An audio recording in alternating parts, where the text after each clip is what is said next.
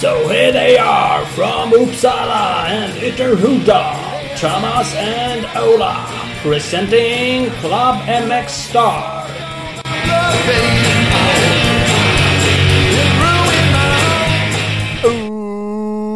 Yes! Klubba Mixar Podcast. Yes, yes, yes, yes, yes, yes, yes, yes. Swish, swish, swish, swish. Fräscht. Mm. 145 avsnitt. Ja, vi bommade ju förra veckan. Smack bara. Ja, det är en liten paus.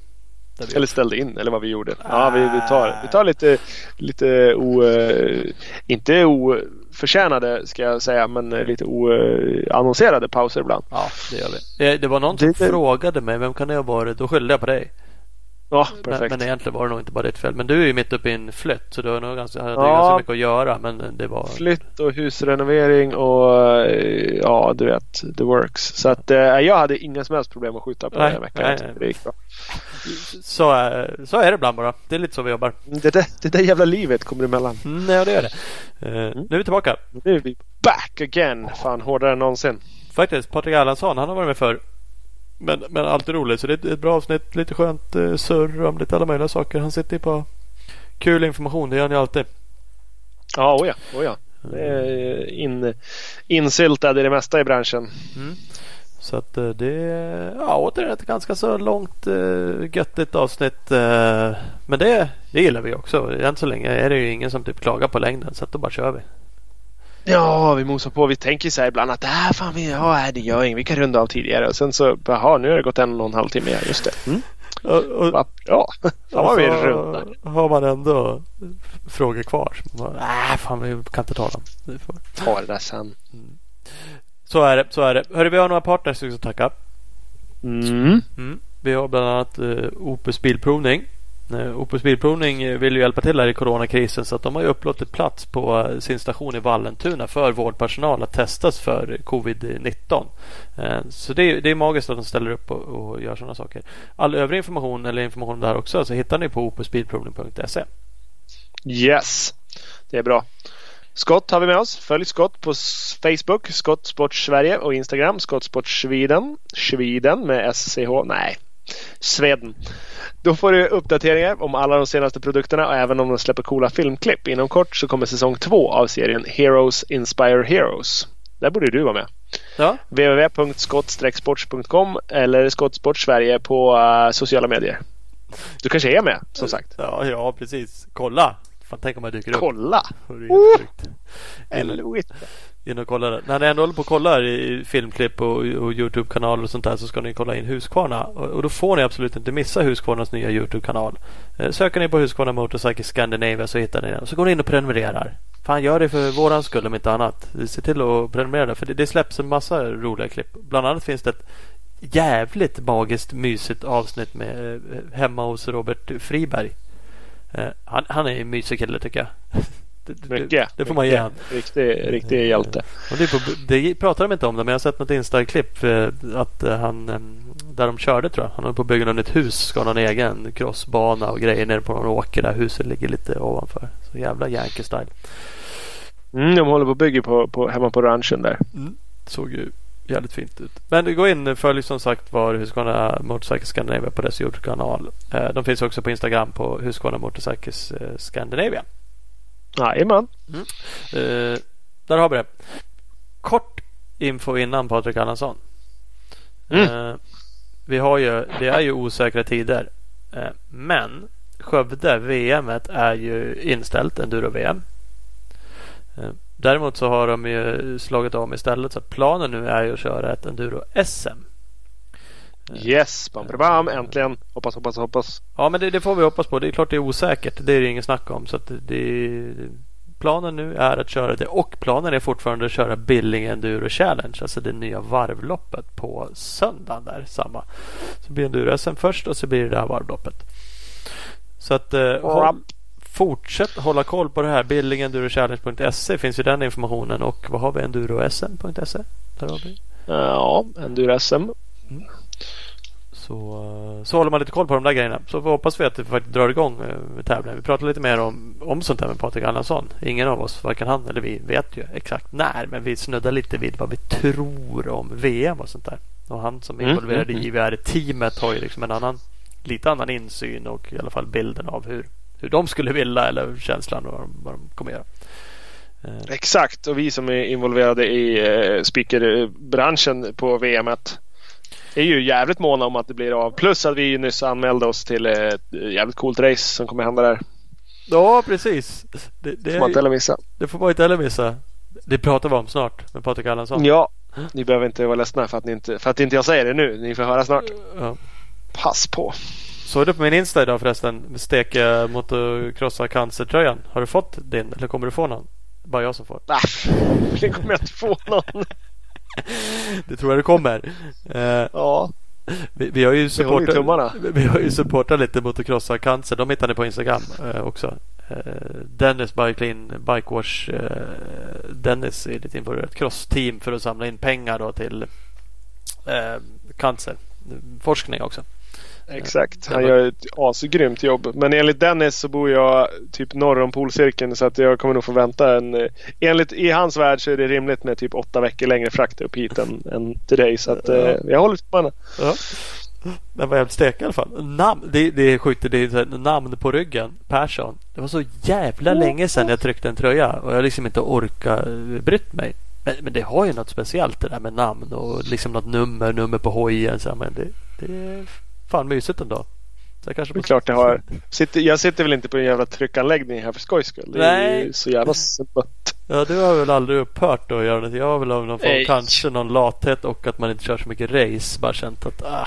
Och så sånt som jag gnäller på. Bland annat att man har 10 000 olika nummer på allting. Så trycker man ett nummer på en tröja kan man ju liksom bara använda det på. Det bra, men det räcker med, räcker med namnet. Så man stekast här i skogen när man är själv och sladdar runt. Det räcker det. Ja, ja det kändes bra i alla fall. Så att, Bra, eh, bra. mm, tack Dennis, Motocross och cancer. Eh, tack Kung. Hu- Hugo för att han redigerar vår podd. Hugo Karlsson. Kung 2. Nu eh, ringer vi Patrik Andersson. Yes, kung 3. Nu kör vi. Hallå! Hallå, hallå! Tjenare! Tjena, tjena! Hur är läget? Ja men det är fint, det är fint. Är du själv? Ja, men det är bra. Mm. Jag kör lite bil på ovanlighetens skull. Så det är trevligt. det är min, är grej. Ja, det är din eh, grej. Eh, Jag, jag tänkte vi skulle sladda lite på sådana saker men du, eh, du gör ju sig sjukt mycket. Så var det eh, överlag känns det. Crosstävlingar, eh, jobbar på alla möjliga håll och kanter. Kanske inte så ofta där En du bit bor. hemifrån Ja, framförallt. precis. Ja, det, alltså jag, ja, precis. Jag har långt till jobbet alltså. Bor i Kungsbacka, jobbar i Täby. Så Ja, den är ju är eh, svettig. Dagspendlar. Ja, exakt. Men eh, jag behöver inte vara på plats varje. Det, är- det är ganska lugnt ändå. Ja. Det, det är bättre nu än förr. Mm, mm. Så det är lugnt. Det är lugnt, det är lugnt. Hörru, vi ska börja med en grej. Vi har kört några eh, senaste gångerna lite så här snabbfrågor. Det tror jag aldrig vi har gjort med dig. Vi konstaterade i och för sig att det är tio avsnittsjubileum. Det är tionde gången du är med. Oj, oj, oj. Fan, det är ju en trudelutt på den tänkte jag säga. Ja, det är det ju. Får se om eh, Hugo kan sampla in en fanfar där. Ja, ja, ja, det kunna göra. Det, är, ja, det kan man ju känna. F- för någon som inte har gjort någonting själv tänkte jag säga. Men, men det, det, det, Nu var det ju fan taskigt. det, det var ju lite taskigt. Ja, ja, jag Nej, men tror du- att det- Nej, du är alltid kul att ha med. Du är alltid populär. Så att det, det är ju kul det här snacket som, som blir bara surret som vi hoppas det blir idag också om saker och ting. Eh, så- Ja, ja, ja, exakt. exakt. Det är ju Det kul. är, det är skithäftigt. Fan, tio år sedan alltså. Det, det rullar på. Det måste vara... Det är Filip Bang och några andra superkändisar som slår det ju. Ja, det vi kollar det. det. Det är nog faktiskt bara Filip. Ja, det ser jag. Det. Ja. Ja, Han, han. Coolt. ja, ja, det är bra. Eh, Men vi har ju som sagt några snabbfrågor. De presenteras ju av Big Balls Mm. MX. Eh, De levererar precis ut en Succa RM85 till en trogen kund. Så det finns ju Succa-hojar där i alla storlekar. Eh, Så man kan kolla in deras Instagram, Big Balls MX eller bigballsmx.com till exempel. det. Det, vi ska komma in på det också, JGR-teamet och Suzuki lite. Vad fan händer med Ja, Succa? Men det kan vi ta sen. Ja, men det gör vi. Det gör vi. Fullständigt namn? Eh, Jim Patrik Erlandsson. Jim Patrik alltså. Ja. Eh, Och, ålder? Och, och Jim, är mitt första, Jim är mitt första namn. Så det, det är lite lustigt. Men eh, det, det är en annan historia. Det, det, det är sånt där som är lite rörigt. Som man står och funderar när man ska Ja. boka resor och skriva in. Och vi visar passet för någon jävel. Vad fan står det här? Ja, alltså, jag tror min morsa tyckte att någon sångare som hette Jim var snygg. Mm. Jag tror jag var döpt efter Jim och sen tyckte nog farsan han kan ju fan inte heta Jim liksom. Det får ju ställa sig i Patrik här liksom. Ja men Jim först. Ja ja. ja, ja okej. Jim! Du som reser i sig mycket. d- d- I andra länder tenderar man till att verkligen tycka att det är ju liksom tilltalsnamnet det som står först. Man tycker att det är konstigt att man gör tvärtom. Jo, men jag är alltid Jim när jag reser och hotell och alltihopa. Så jag bokar ju för det blir enklare liksom. Ja, Mm. Står man där. Undrar vad de ropar efter nu? ja. Ja, ja. ja. Ja, det vet. Eh, ålder? Eh, 47 år i år. Eh, bor? Det var du inne på. Ja, jag bor i Kungsbacka, uppväxt i Kungsbacka. Eh, bor även i Västerhaninge på veckorna när jag jobbar i Täby. Jag har eh, eh, ja, du- dubbla boende. Ja. Eh, det är skönt när man har långt till jobbet. Eh, Ja. Familj? Eh, jag har tre barn och en fru. En crossåkare och så två tjejer som ofta är med på, på crossbanan. Max, Maja, Matilda och frugan heter Vicke. Eh, dock är frugan ganska osynlig och tycker inte om cross. Så det passar väldigt bra med denna familjen. Så hon, Ja. hon, hon, hon har ju valt spelfamilj så hon, hon, hon, hon syns aldrig på en bana egentligen. Många undrar om hon finns. Men det, det finns en, en mamma till barnen där faktiskt. Ja, det, Det är sant. Ja, och Ja, fan. det är sant. Tycker inte om cross till och med. Ja, det, det, var en, det var en bra analys. Vad är det hon inte tycker om? Jag tycker det är farligt och, och, och obehagligt och rädd att uh, Max ska slå sig. Men det gör han ju sällan så att jag förstår ju den. Exakt. Eh, nej, hon, hon, hon tyckte väl aldrig egentligen om cross. Eh, hon är handbollsfreak. Eh, men när jag eh, 97 tror jag slog mig jäkligt illa och bröt egentligen det mesta som fanns. Då stod hon i det hoppet och kollade jag slog, slog mig. Mm, mm. När jag bröt ryggen och, mängder med inre blödningar och ben och allt vad det nu var. Då, sen dess bara, nej det här vill jag aldrig mer vara med på. Eh, så började Max köra och så började han slå sig och det var det inget bra. då, då var det aldrig mer på riktigt bara. Så du bara håller dem sig Nej, undan. nej, nej exakt. Ja. exakt. Ja, det är en speciell sport där. Det kan vi komma in lite mer på också vad det gäller skador och barn och tankar kring det där. Det brottas jag Ja. lite med också just nu. Eh, Ja. eh, vi kan ta det. Vi har några eh, dold talang. Dold talang. Oh. Den är, den är tuff eh, tänkte jag säga. Dold talang. Ja, det, det, det, är inte, det är ingen dold talang men jag är en jäkel på att äta chips. Men eh, eh, det är ganska känt. Nej, jag, jag, jag har ingen riktigt dold talang. Jag springer inte eh, extremt fort eller klättrar högt eller Ja, men, det- det- det- jävel på att dansa eller sjunga eller någonting som man inte trodde liksom. Alltså jag har gjort lite liveuppträdande någon gång med att sjunga.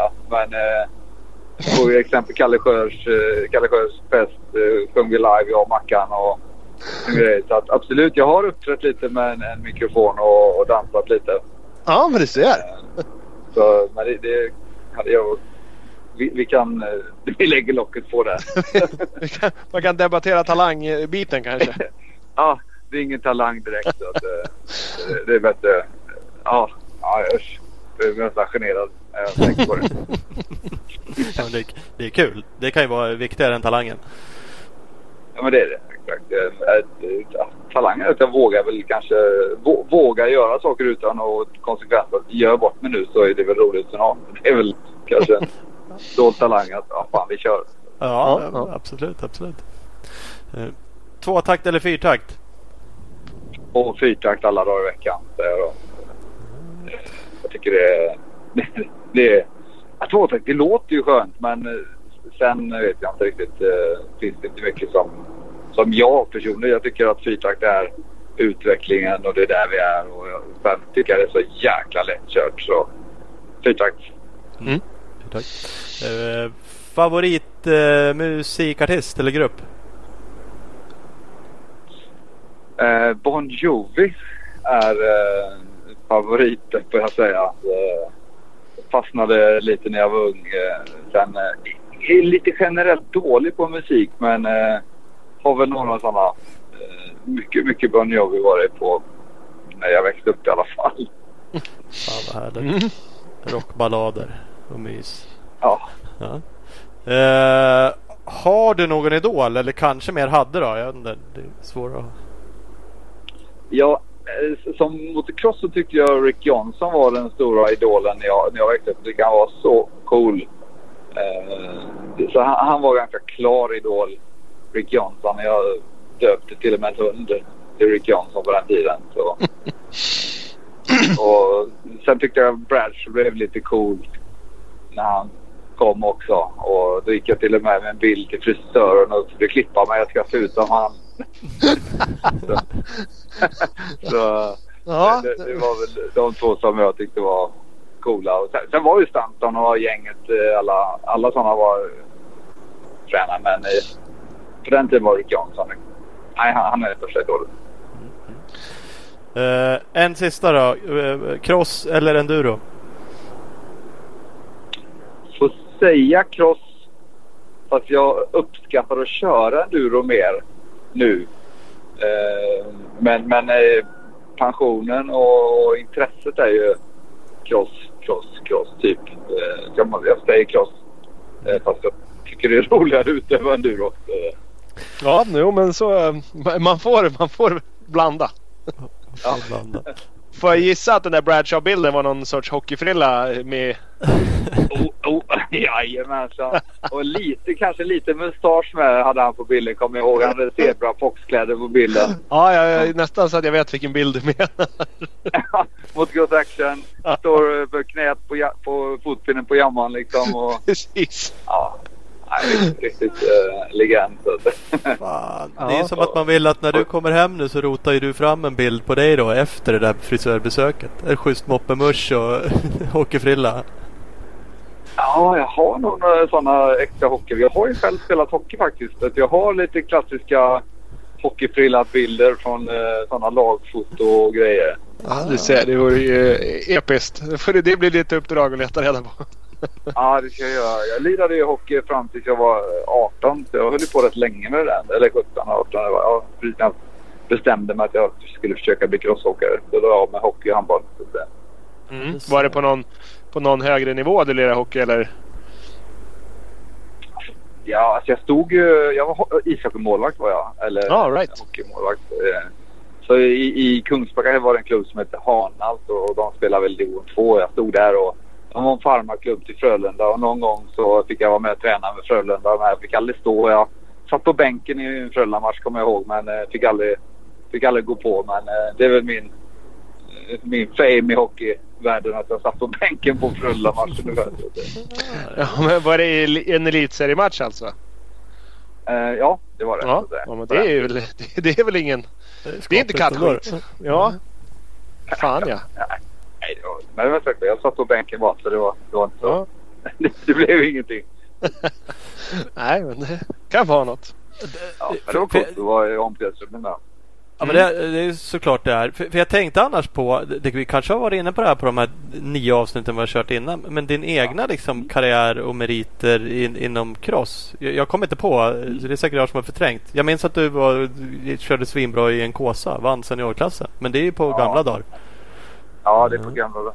Alltså, jag, var, när jag, var, jag försökte väldigt mycket. Jag drog utomlands tidigt och försökte göra en liten in, en, en intressekarriär och hålla mig undan från Sverige och tävla väldigt mycket. Eh, så jag körde liksom, jag tror typ exempel om det var 95, då körde jag 19 tävlingar utomlands. Jaha. och drog iväg liksom var borta ganska många månader och skaffade mig en manager som satt och anmälde mig och jag fick startersättning och resesättning för jag kom till tävlingarna. Men eh, jag var inget... Jag var eh, lite lagom bra men jag var aldrig riktigt bra. Eh, så jag kunde aldrig leva på min sport. Eh, men jag gjorde det bästa av det och hankade mig fram och hade kul och, och körde väldigt mycket tävlingar och var långa perioder utomlands då.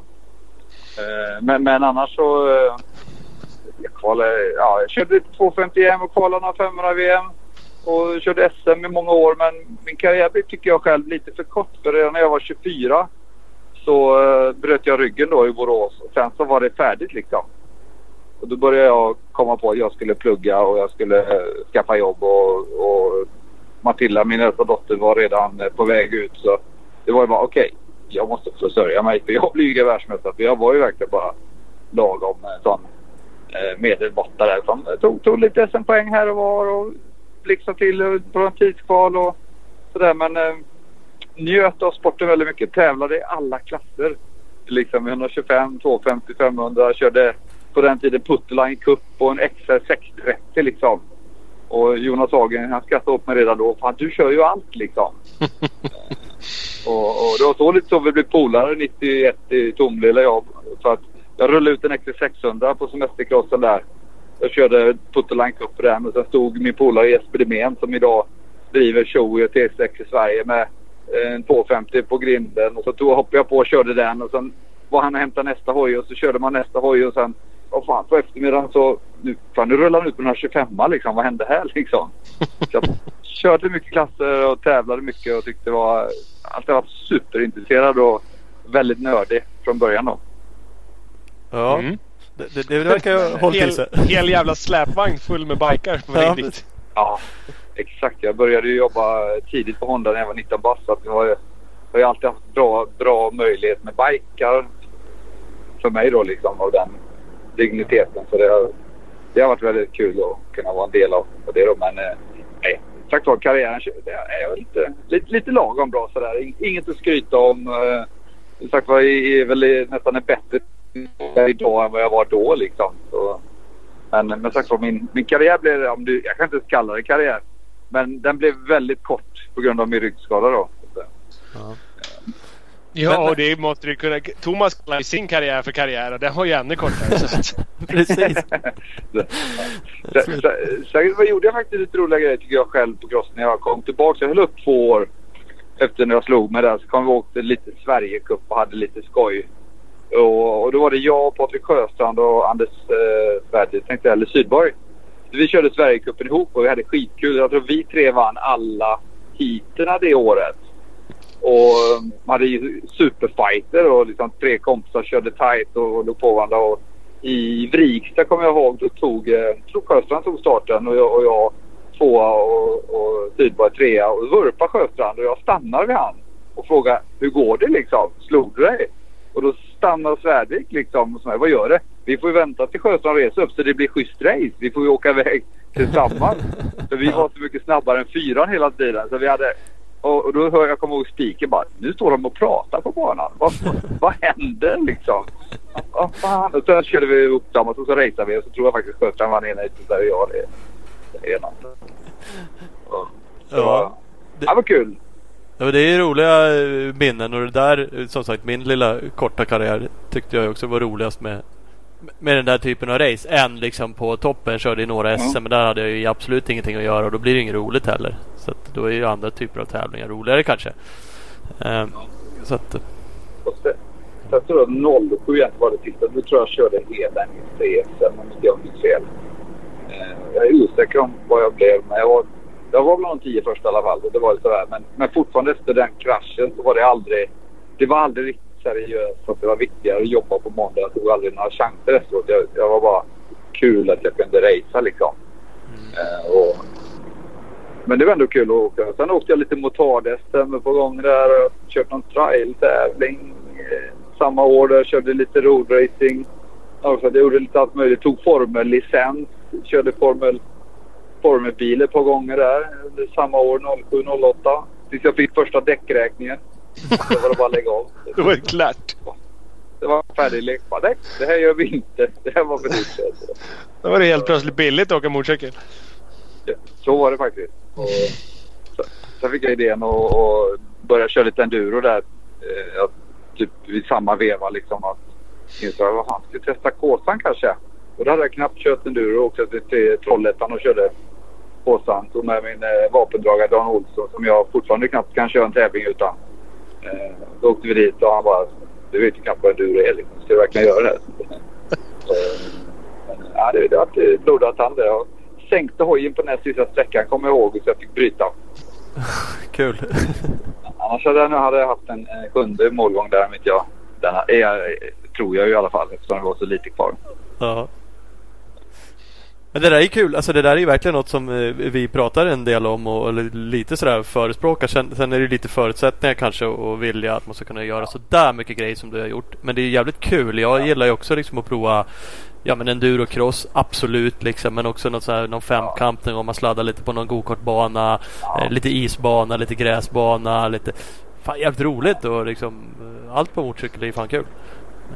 Ja, kul. Och sen har jag tyckt det var roligt att dra igång saker. Alltifrån när vi hade dragracing med crosscyklar i Kungsbacka. Så crossdraget som växte och blev så stort så att det blev liksom till slut EM i traktorpulling samtidigt. Så det spårar ju fullständigt och event man har gjort och haft nöjet att köra lite ökentävlingar i USA och, och fått vara med och göra väldigt, väldigt roliga saker. Det, det känns en ynnest och en lyx. Ja. Jo men det är det ju verkligen. Du, onekligen verkar du ha energi och driv vad det gäller det mesta sånt där. Och, och, ja, och även Fiddy-SM där i början när eh, jag och Frank Nordberg åkte, kittade CRF 50 med höga styren och åkte runt och körde tävlingar alltifrån Uddevalla och, och, det var ju faktiskt, sen blev ju det, vad heter det, Svefi, eh, eller vad det är, Fiddy-förbundet. Det blev ju till efter att vi hade kört med våra Hondor ett par år. Sen kom Kinahojarna och då spårade ur och då la vi ner det. Vi konkade omkring och byggde supercross-tävling. Alling, Allingsås city och Skara och Uddevalla och... Potatisfestivalen eller skit hette det Allingsås när vi körde ett år vet jag. Jajamensan, jajamensan. Där vet du. Så, uh, kul, kul att ha gjort massa sådana grejer. Det, det, där racet körde ju du också Ola, körde runt på Fiddy. Jag tyckte alltid det där var så jävla Ja. töntigt. Och jag har aldrig ens knappt provat en sån där. Jag körde... Ah, skitsamma, jag körde någon annan, någon Cobra 60 kubikar på Finspångs Ja, och sådär. Jag bara, fan det här var ju roligt. Exakt, och så har du bara stått med näsan i vädret och dömt ut alla andra innan. ja, men så jag är så här, lite inne på att bygga en lokal bana åt Henry, eller Henry här hemma. Så vart jag så här, fan kanske ska köpa någon gammal Kina Fiddy liksom. Hans lilla PB50-bana kanske är lagom att bränna runt med någon Fiddy på för mig. Vi åkte Sverige runt, drack sprit, träffade brudar, käkade chips och åkte racing. Det var ju askul. Ja, jag, jag kan bara hålla med. Det var så jävla kul. Det var sjukt. Och vi satte slicks på dem på vintern och körde i gokarthallar inomhus. Och det var ju nästan lika roligt liksom. Det var ju Mm. svinkul. så att säga. Det var, det var egentligen Waxhammer eh, och hans jävla Work-Z-bikar som sabbade hela, hela upplägget. Faktiskt. För de när- kom och sabbade allt. För då var man tvungen att bara köpa dyra grejer och så spårade det ur liksom. Man ja, helt bra det plötsligt hade dyrt. han så här 15 häst mer än någon annan. Jag vet att Fredde Flair åkte på en sån och då var, då var några som hade sån här ja, men dräparbike som kostade nästan 100 papp och hade 15 häst mer än någon annan. Ja, nej men fan vad kul! Ja, visst. Ja, visst. Det är helt sjukt. Och, och det var mässrace på eh, MC-mässan. Och det, det Ja. hände ju mycket och det var kul och rolig, rolig, roliga race framför allt. Men shit vad man slog det ibland. Ja, man tycker det är ingen fallhöjd så det är inget farligt det där. Men eh, man trasslar in sig i varann och i hojen och hjular över varann ibland. Så att, Och typ sneakers och ja, ja, ja. ett par jävla shorts typ. Ja, klockrent.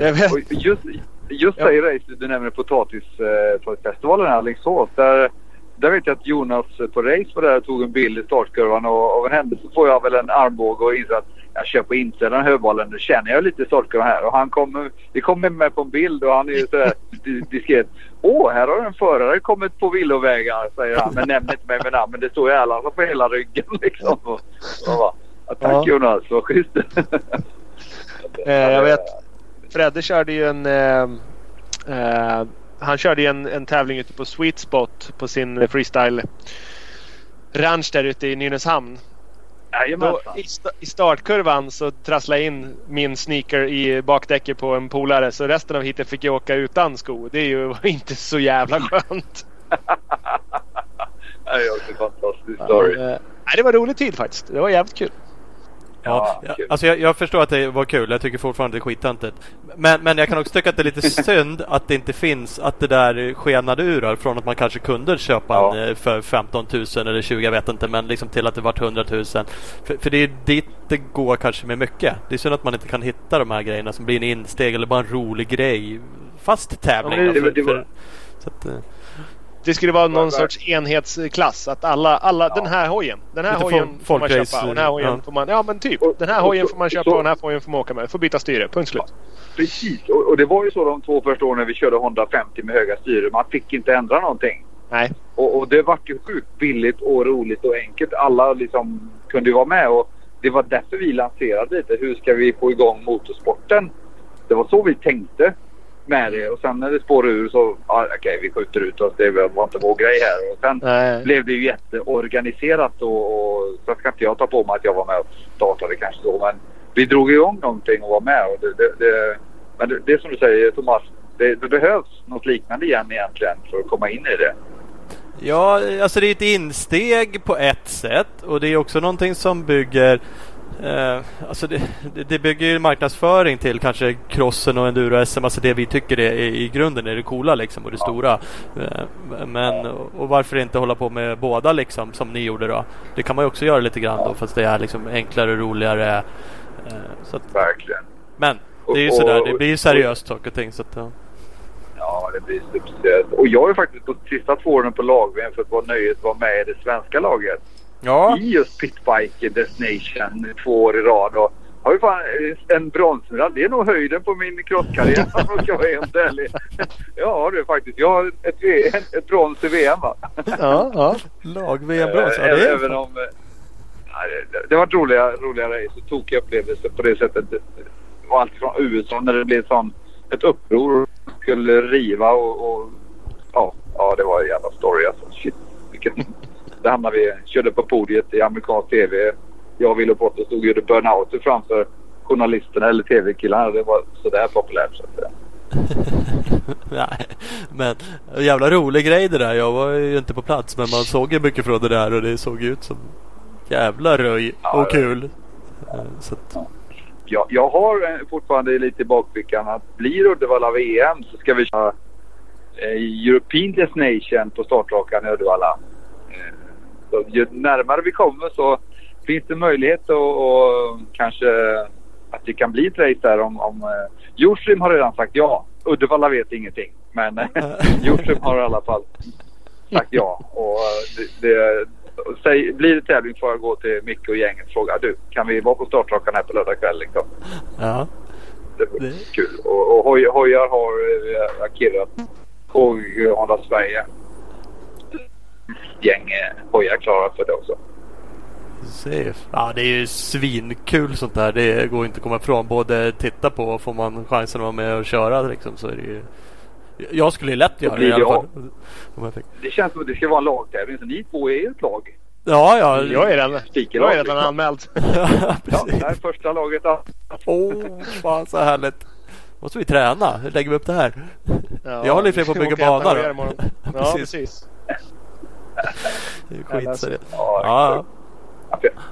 ja, den kör vi på. Ja, vi, vi kan uh, hoppa dit då i och för sig, om det blir av. Vad, vad, tror du om, vad tror du om Uddevalla-VM då? Liksom, VM överlag. Det, det är ju tänkt som tredje, femte VM-tävling totalt då, men tredje efter om det drar igång. Vad är det? Ryssland, ja. eh, Lettland och sen Uddevalla i typ augusti allting där. Ja. Jag tror inte en sekund på Ryssland. Eh, jag, kan jag tror att Uddevalla blir första. Jag tror inte ens Keguls blir av. Nej. Eh, men det kan också bli så att det bara blir de Kegums, eh, Sverige och någon här i närheten. Och sen så är det bara till hösten tävlingar långt bort liksom i andra länder. Men jag, jag, tror fortfarande att Uddevalla blir det första. Jag skulle bli väldigt förvånad om det... Ryssland har, har kan jag inte se för fortfarande så har inte eh, Joshim varit i kontakt med, med teamen och sagt att hej ni kan börja preparera papper, ni måste bara skicka grejer. Eh, så det finns ingen fråga tillbaka från Joshim och det är inte så jättelångt bak det där.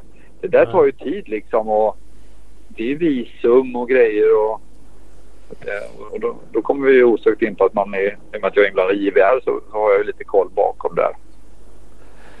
Och Och det, Det- finns ingen dialog från, från Jushin till oss som team. Nu är jag inte hundra insatt men det känns ju som Ryssland är kanske ett av de länderna som lite har duckat också hur de själva är utsatta av eh, Corona.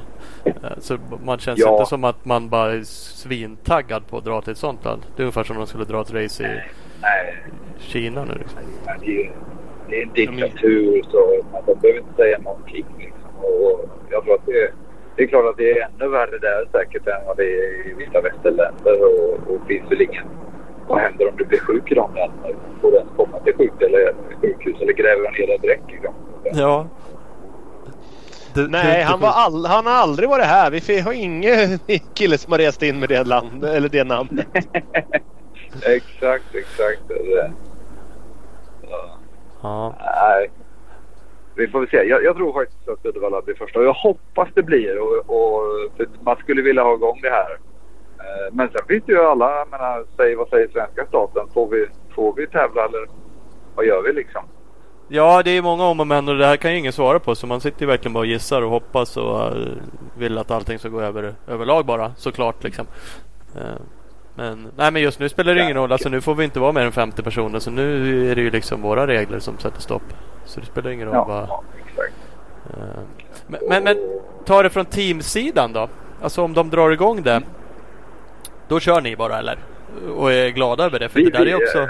nej, vi kommer inte åka till Ryssland. Eh, vare sig det blir eller inte blir.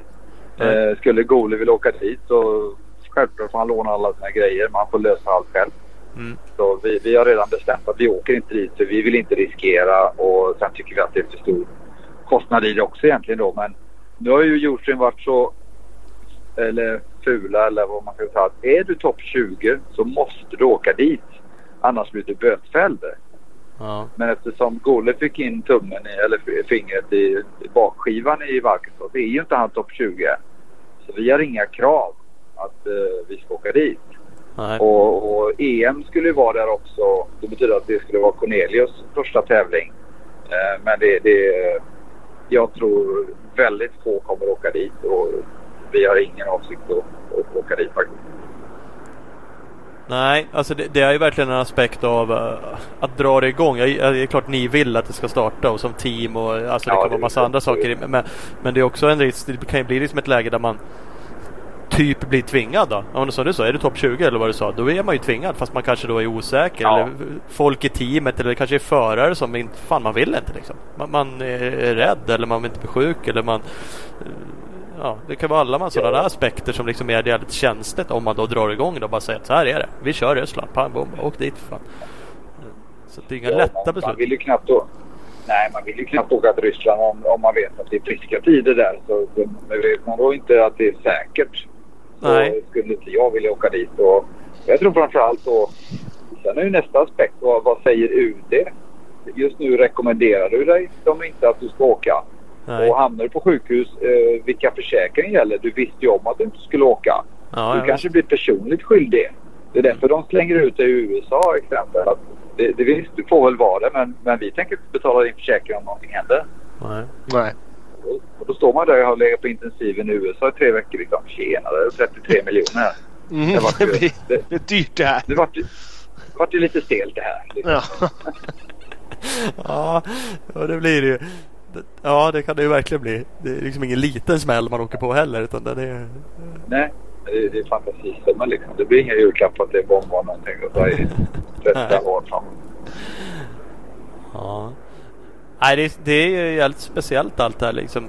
Hur, hur klarar sig teamet i, i övrigt om man säger JVR-teamet? Det är ju såklart skit allt sånt här men...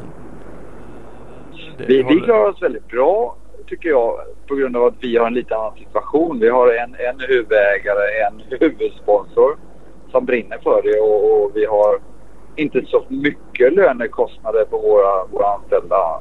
Så vi just nu tycker ju nästan vi sparar ju pengar.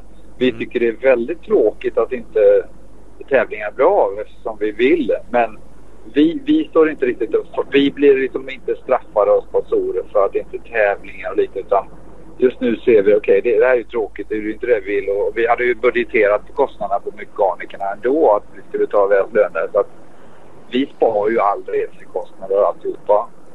Så, vi, vi, vi har klarat oss väldigt, väldigt bra. Och, eh, tycker det är tråkigt. Eh, samtidigt som då i, i en värld där väldigt många är permitterade så har Johan någon, mer än någonsin att göra på sitt jobb. För varenda människa som är permitterad vill bygga om sin tomt, köpa jord, sten. Så han, han jobbar dygnet runt. Ja. Och hade knappt haft tid att åka ändå till, eh, till VM om det hade varit den här belastningen på hans jobb. Så att han har jätte, jättemycket att göra. Och det är jättebra för då får vi också en lite större budget inför nästa år förhoppningsvis som han har jobbat stenhårt en lång tid. Så eh, vi kan eh, ha eh, mer förare kanske eller andra förare till och med nästa år. Ja, ja för, för där, får man vara lite fräck så känns det liksom när det drog igång eh, eh mellanmjölk tänkte jag säga. Alltså det, det var s- satsning men det blev liksom inte den, den extra satsningen till i år. Även innan Corona drog igång. För teamet. Det tog Nej. lång tid med Ja, förare nej. eller kom väl egentligen aldrig Ja, riktigt några tunga. Ja, nej, det var, det var ett litet... eh, Och det, det blev väl liksom lite bestämt att vi kör ett mellanår för att det var som chockstart egentligen med tre VM-förare plus en EM, fyra människor. Allting bara... Det var roligt, det var fräckt, det var häftigt men när, man, när vi satte oss ner och analyserade vad har det här kostat och vad vi har fått in så insåg vi att det här är ju inget smart att ha fyra förare. Så att vi backar hem. Vi, vi, vi, vi tar ett år. Vi, vi hade klart med Brylakov redan men han fick ju aldrig start i VM. Han, låg, han, han var ju på 48 plats på listan så att de kunde inte garantera en plats för Brylakov de fem första VMerna. Då kände vi nej, vi signar aldrig upp han då. Då hoppade vi av det Brylakov. För det var ju tänkt Brylakov, Gole och eh, en 250 kille från början. Så det har varit i många turer. Eh, vi, vi eh, förhandlade med jättemånga killar. Vi trodde att det var klart. Vi låste inte upp dem. Det var mycket eh, klassiska svenska. Det löser sig. Det, det känns bra. Men då har vi lärt oss att alla andra team var det snabbt med ett kontrakt på här. Så att Ja. vi hade ju fem, sex stycken som vi trodde vi hade klart med. Som, som trillar bort bara för att vi inte riktigt kanske var så rutinerade och, och, och skulle ta tag i det lite fortare. Men, men så här efteråt så är jag glad att det blev så. Så att vi hinner strukturera upp oss. Vi gjorde ett märkesbyte. Vi har beställt massa nya grejer till nästa år liksom. Och målet är att ha två GP-förare och en EM-kille. Så att det, det är ett tremannateam. Absolut inte fyra men eh, det drar med sig ganska mycket med en, en tredje förare. En extra mekaniker. Hotell, resor. Mm. Mm. Men Ja, jag men- förstår du... Ja men man Du kände vad fan det. kommer ingenting och så bara ah, det är klart man är skitglad att Gole får en chans till liksom. Det är super super roligt men Men det var ju liksom inte Ni hade ändå Strybors liksom och det var det, det, liksom, Ja. det där det tog aldrig riktigt liksom eh, fart. Och- Det var ju ja. rykten om Anstey och eh, ja, men, Ja, ja. riktiga liksom Ja, fortåkare. ja, och, vi, och vi pratade verkligen med dem allihopa. Liksom Michael Lessie, Anstey, Zach Pichon, eh, liksom eh, Rodriguez. Jag tror vi pratade med liksom, eh, ja, hur, hur många som helst. Liksom, att det var intressant och det var så och det var si. Eh, men eh, vi, vi, var, vi var lite tveksamma och högg dem inte. Eh, så att vi, vi, vi kan bara lära oss av det att eh, vara snabbare, vara konkretare, låsa upp dem. Mm. Men eh, med, med historien på fickan så tycker jag det blev faktiskt lite bra att vi får andas ett år och vi får igång infrastrukturen och all materiell och all utrustning så att vi kan komma in i 21 mycket, mycket bättre förberedda. Och vi ser bara på de här två tävlingarna att vi har fått redan ganska mycket förfrågningar inför 21 av förare. Mm. Så kände vi att okej, okay, det kanske blev bra det här att vi, vi strukturerade upp oss lite och organiserade upp oss så att det ser det, ser det ännu bättre ut än vad det redan gjorde. Och, och såklart, det, bytet till Honda tog också tid. Det, det var ju KTM emellan där som nästan höll på att bli av. Och, och, så det var, det var många turer. Det var, det var många sena kvällar. Ja, mm. ja men det, det, kan man ju fatta. Liksom. Det, det, som är roligt i det här det du berättar det är att det ändå finns en, en plan redan klar. Mer eller mindre i alla fall. Att det, det fortsätter. För annars är det liksom, håller man i det för länge och man uh, mitt i säsongen eller på hösten ska börja liksom. Dels är det sent ja. överlag men det kan också vara så att man är så jävla ja. mätt på hela skiten som man typ eh, ja. vill lägga ner det bara. Verkligen, men, verkligen. men nu har ni liksom ändå gasar ni på någonting framåt och då blir ju det förhoppningsvis och troligen av. Det är ju skitkul. Det är ju jävligt ballt med ett svenskt team som förhoppningsvis fortsätter slussa ut någon svensk av de här tre då, och lite sådana det, saker. Det, det, är ju målsättningen att, att försöka göra det lite svenskare också än att, att springa ut och bara få halvdana killar då. Man, visst, Raibos har ett coolt namn och sådär men och Brylakov och sådär men de är inte, de är inte jättemycket bättre än Gole. Och så kräver de sjuka resurser och så har vi en kille som är lika bra som vi borde hjälpa ännu mer. Mm. Och, och, och, vi ska försöka bli det här att vi hela tiden ska ha en, en duktig svensk i teamet. Uh, och det, det, skulle kunna bli två svenskar. Jag menar, Alvin Östlund måste gå upp nästa år och det kanske blir god Östlund. Det vet man ju inte liksom. Mm. Uh, det skulle vara jättekul att ha två svenskar i teamet. Mm. Ja, men, vi har fått redan påstötningar av några utlänningar och, som som kommer från andra team som vet att deras team läggs ner till nästa år. Då. Mm. Ja, det är intressant. Apropå team läggs ner. Ni säger att ni hankar fram eller nästan spar pengar i dessa tider. Jag gissar att det är tyngre för vissa andra team där liksom. Man hör ju kanske mer, ja. Man har hört mer från supercrossen i USA. Typ, nej men det är inga race som körs, då kommer det inte in några pengar. Alltså man har helt enkelt betalt både eh, promotor och team och allting har pröjs liksom per eh, race. Jag vet inte om det är likadant ja. i VM för vissa team också. Ja, ja men det är det. De, de, som, de stora teamen de har ju pengar, pengar för tävling. Men vi sitter ju i en lite annan situation att vi, vi har fasta kostnader, vi vet vad de är.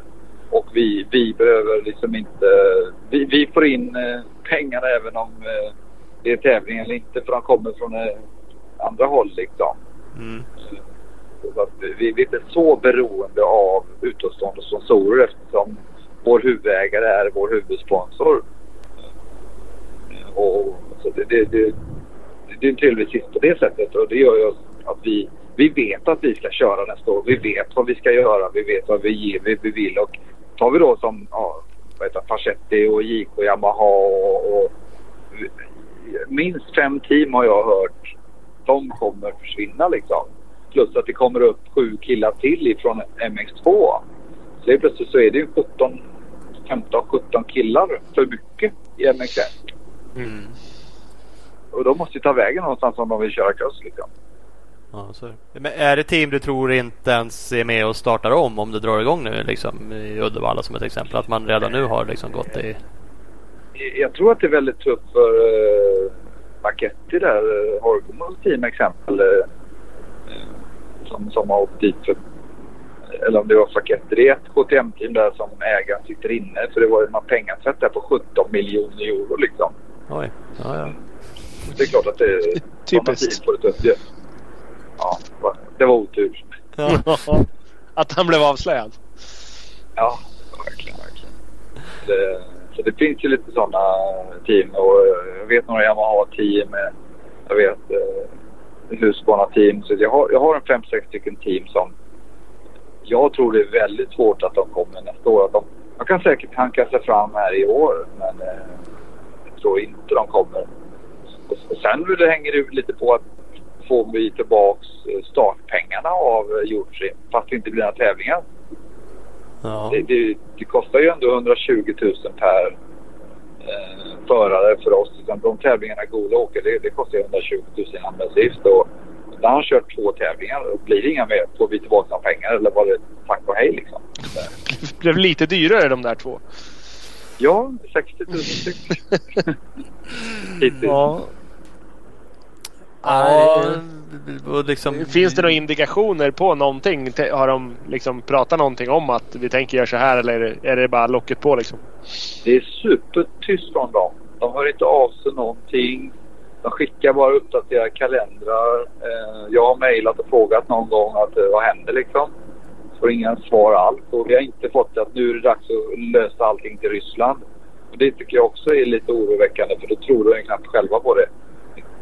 Men Ja. eh, vi, får, vi får väl se lite där vad som händer. Men eh, eh, ja, skulle, blir det inte mer tävlingar skulle det vara trevligt att få tillbaka lite av startomsättningen.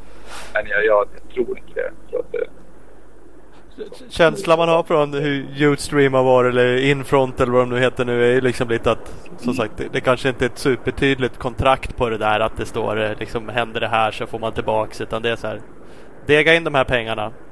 Helst cash. Det kanske var lite back in the days men annars är det liksom Nej, du, du, du får fortfarande möjlighet att betala cash. Då är det Ja. billigare. det är liksom helt det är otroligt. Det var ju sedan jag hjälpte Mackan Åhlén liksom. Det var, var det 0910.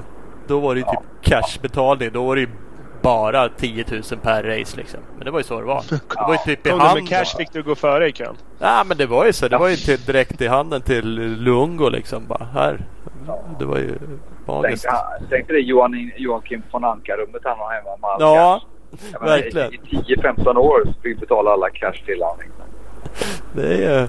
Mm. Det är bra business. Kul för honom. Ja. verkligen.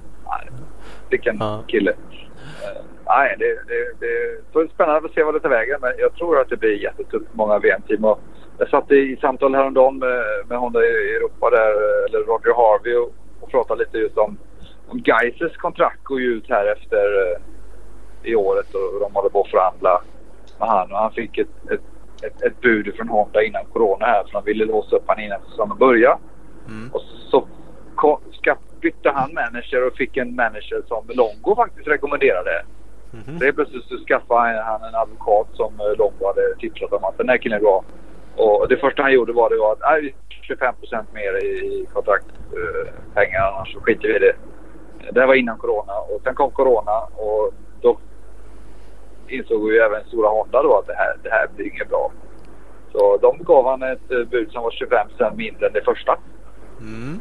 Och, och då tyckte han, men det här var inte bra. Nej, nu är det Corona så att du- skulle skriva på i januari för då fick du 2 miljoner euro. Nu, nu är det 1,7 liksom. Ja. Eh, Men han ville ha 2,5 för han ville ha hörlingspengar liksom. Ja. Men på grund av Corona så sänkte de 25% istället. Så det var ju liksom. Han har ingen annanstans att gå såklart. Han kommer ju åka Honda ändå. Det, så det är jag inte orolig för. Men det ser man ju bara på hans nivå att de sänkte hans lön med 25% Ja, och det, ja, du säger ingen annanstans att gå men uh, oavsett det är, liksom, det är inte så att någon annan har pengar att strössla med nu heller. Det är väl lika för alla liksom uh, gissar jag. De Ja, håller nej. igen och så att det, Ja, det, det, det, det tror jag och jag kan även se som Hörlings där som signade sitt kontrakt innan Corona slog till och de har ju tre high profil killar. Eh, Nu betalar väl ofta Red Bull vad jag förstår som mycket av lönen här så de sitter kanske i en annan situation. Men stora, även stora Honda då som har stor budget de, de säljer ju 25 miljoner bilar per år Honda och en stor del av deras budget kommer ju från bilförsäljningen och den har gått ner med över 50 procent bilar. Så det betyder att istället för 20 25 miljoner bilar så har de bara sålt 12 miljoner bilar. Och, och det är ju ganska mycket om du minskar försäljningen med 12 miljoner bilar. Liksom det, det är ju mer, det är vi 10 miljoner människor i Sverige om man ser det. Eh, så det är klart pengarna tar ut fort om, om inte de bolagen säljer och genererar vinst då. Alltså, alltså så är det ju verkligen. Även stora bolag eh, tenderar ju till att faktiskt, nu tror jag inte Honda kanske går i konkurs, men det är ju liksom företag, eh, det rinner ju ut pengar liksom. De har ju också personal, fabriker, alltså hälften av bilarna produceras. Det är ju många gubbar som bara står och rullar tummarna någonstans. Eh, Ja, ja visst. Och, och, och, och vi vet ju också historiskt sett att det första du drar ner, drar ner på är marknadsföring. Ja, Och, och teamen är ju marknadsföring för att Precis. sälja någonting annat. Men det är Re- inget måste. Racing är ju bara marknadsföring. Det är ju inga pengar in på racing. Nej, ingenting alls liksom. Men, då- men det, det är lite intressant det där. Alltså, tänker de så då? Honda eh, tänker ändå marknadsföringen över sina olika produkter. Är det så? De, de liksom skjuter in pengar i, i ett crossteam för de ändå tänker att det ska sälja en, en bil? Eller är det liksom? D- d- d- Bilförsäljningen finansierar HRC och HRC består av roadracing, cross, trail och eh, då så att HRC får pengarna från bilförsäljningen. Sen Ja. så är det upp till HRC vad de fördelar dem då så att Men ja, de bygger ju varumärken med HSD då. Mm. I det här fallet. Och sen har ju de också då en, biltävlingsavdelning som heter Mugen då. Som Ja, gör eh, Indycar-motorer och bilar och även banracing av mängder. Mm. Så, som även på 80-talet var crossavdelningen då. Mm. Men det är inte det längre. Idag är det bil, bilutveckling. Racing. Ja, precis. Du, du sa med Geiser att han, han du uttryckte som att han går ingen annanstans. Även om det inte hade varit Corona. Finns det ingen som matchar de där pengarna eller? Nej, Nej, det var ju från Roger himself som sa det. Vad ska han ta vägen? Det är fullt. Kawasaki har, har, har fullt om inte Desal lägger av. Han har, och, Yamaha har precis bytt till Volvo. Tre killar. Suzuki finns ju inte. Och, och kommer inte komma tillbaka 21 som jag förstår det som. För där, där blöder ju hela Suzuki vad jag förstår det som. Och det ser man ju. Eh, Så det, och visst gasgas, KTM, Husqvarna. Det, det är liksom, börjar man titta på teamen så är det fullt överallt och ingen har riktigt om... eh, Okej att Räikkönen har mycket pengar men jag, jag har svårt att se att han lägger ut så stora pengar. Eh, Jag tror liksom inte det. Nej. Så de är ganska säkra på det att de kommer kunna behålla han till en billigare summa på grund av corona. Liksom. Ja, ja men det, det är ju business det där också såklart liksom. Och det blir ju verkligen ett läge nu där de Ja då ska man ju lägga av då men det, det känns liksom eller om det inte finns någon annan då har man ju prutläge liksom. Det är ju gambling men det är Ja, ändå. faktiskt, faktiskt. Det, det, det kan ju vara så att eh, Reijo som har köpt gamla gasgas har eh, någon kinesisk ägare som tycker att fan, det här var kul att lägga in 200 miljoner euro. Köp vem ni vill. Men, men han är ju för bra. Han vill ju inte hoppa på en, en sån grej. Det Nej. skulle ju kunna hända i praktiken. Ja. Men han är ju också sån tävlingsmänniska så han ställer inte upp i VM om han kommer på för dålig hoj. Han måste ju ha en, en av de bästa och nu vet han ju också han sitter på den Honda han kör på nu som verkar gå hur bra som helst och han vill ju inte lämna den. Det tror jag, tror jag är den bil fast den är inte designad. Det, Nej. Nej, det är klart. Vi, vi hann få några lyssnarfrågor. La ut på Instagram. Då kommer vi os- osökt in egentligen på team och sådana grejer. Så jag nämnde Suzuki där. Ja. Där försvann han. Nej. Det försvann lite. Ja. Nu är det tillbaka. Så tar man, ta, ta, kan hoppa över till USA och Suzuki exempel så tror jag att JGR exempel kommer inte vara ett Suzuki-team nästa år. Nej. Nej. Då, då, då Suzuki lägger ner hela liksom, R&D avdelningen all utveckling, all marknadsföring. Allt det stängs ner och flyttas hem till Japan. Ingenting av det på USA. Eh, Och jag förstår att de redan har gett egentligen en möjlighet till det här HEP Suzuki som Ernst kör för. Att det är ju mycket billigare att ge dem 20 motorcyklar än att vara med på JGR som är löner, reservdelar, resekostnader. Det är ju jätte mycket större budget där än att bara ge bort några motorcyklar till ett lite sämre team. För tyvärr så får, levererar inte JGR några resultat ändå. Nej. Om man ska vara lite elak då. Nej, så är det Tyvärr. Fy fan apropå det. Det måste Ja. vara bittert att ha drivit det teamet. De har liksom aldrig lyckats. De har ju haft eh, liksom Stewart eh, de, de, topp toppförare hela tiden. Och det bara går inte. Ja.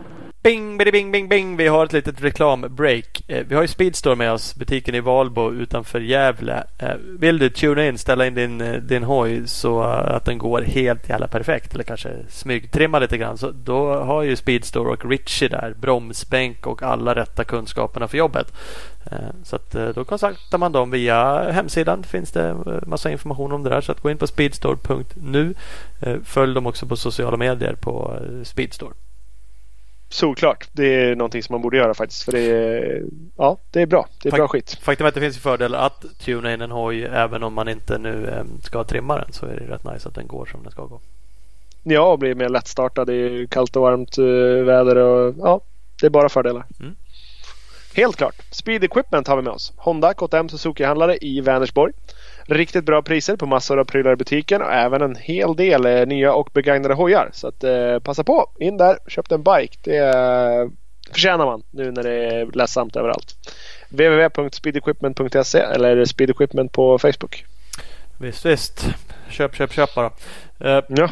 CC Motorcycles, Tibro och Kållered eh, har vi med oss. De har också en Youtube-kanal eh, som man kan bränna massa härlig tid på i dessa coronatider. Så att eh, man ska inte missa CCs egna Youtube-kanal med massa grymma klipp. Finns ju intervjuer med eh, RH73, Rickard Hansson. Hockeyfrögren, mm. Jonas. Oh, Fröga! Ja. Team 100 kör han för i år. Det gör. Smack bara. Oh, med Klubben Star-klibber. Mm, så jävla hett. Flash och fräscht. Ja. Faktiskt. Eh, det ska man Nej, hela deras, eh, deras Youtube-kanal är grym. Den är riktigt, riktigt bra eh, faktiskt. Börjesson gör ett hästjobb och eh, Axelsson som eh, filmar. Så det är grymt. Instagram och Facebook kan man också följa. Eh, CC Motorcycles.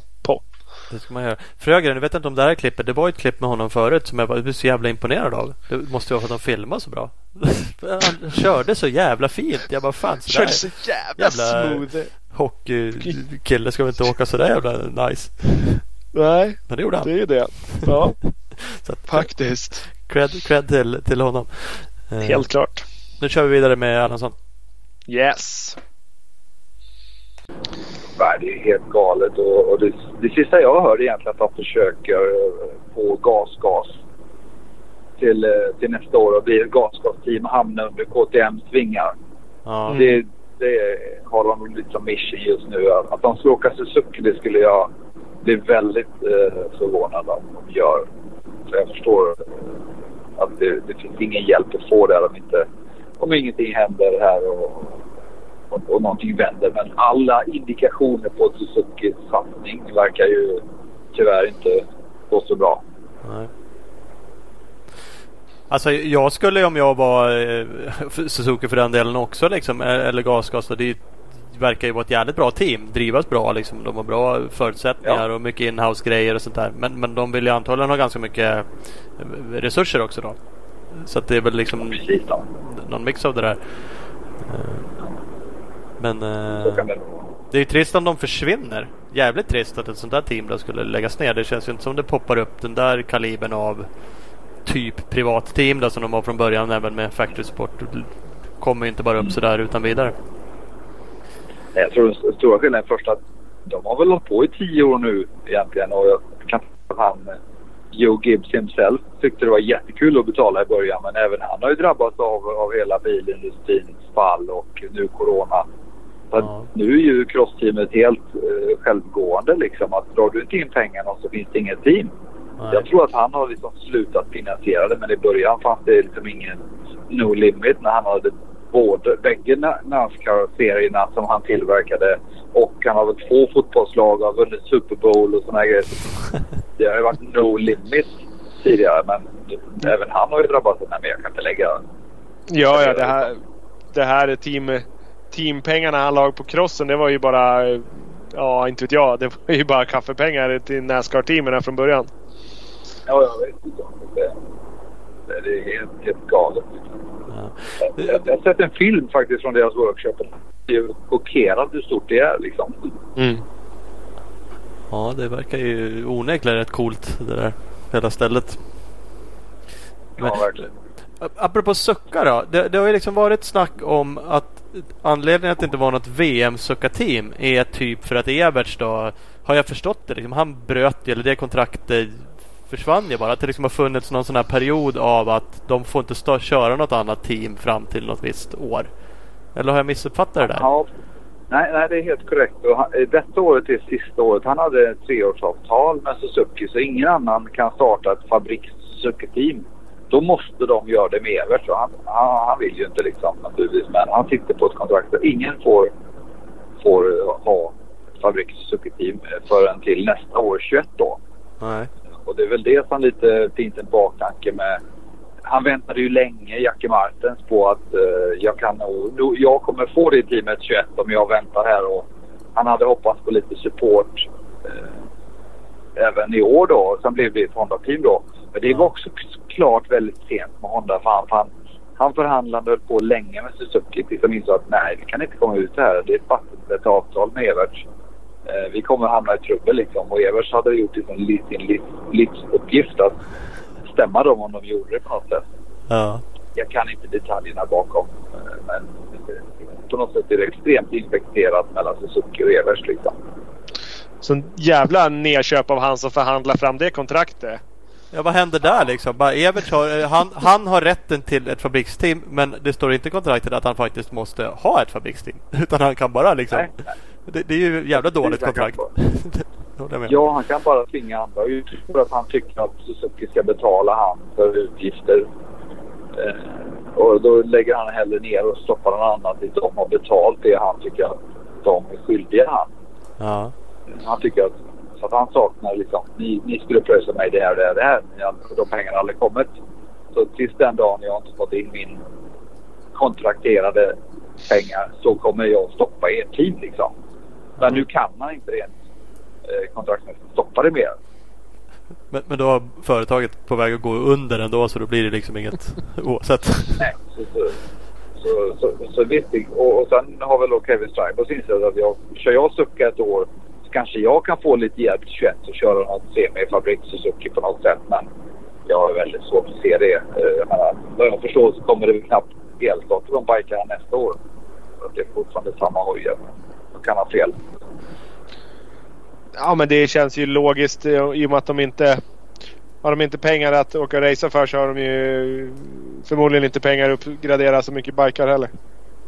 Nej, nej, jag kan tänka mig det. Och, och då blir man ju i en, en, eh, en sur cirkel liksom. Uppdaterar du inte hojen så säljer du inte hojen och då vill ingen ha den och så säljer, då tjänar du inga pengar. Då kan du inte utveckla.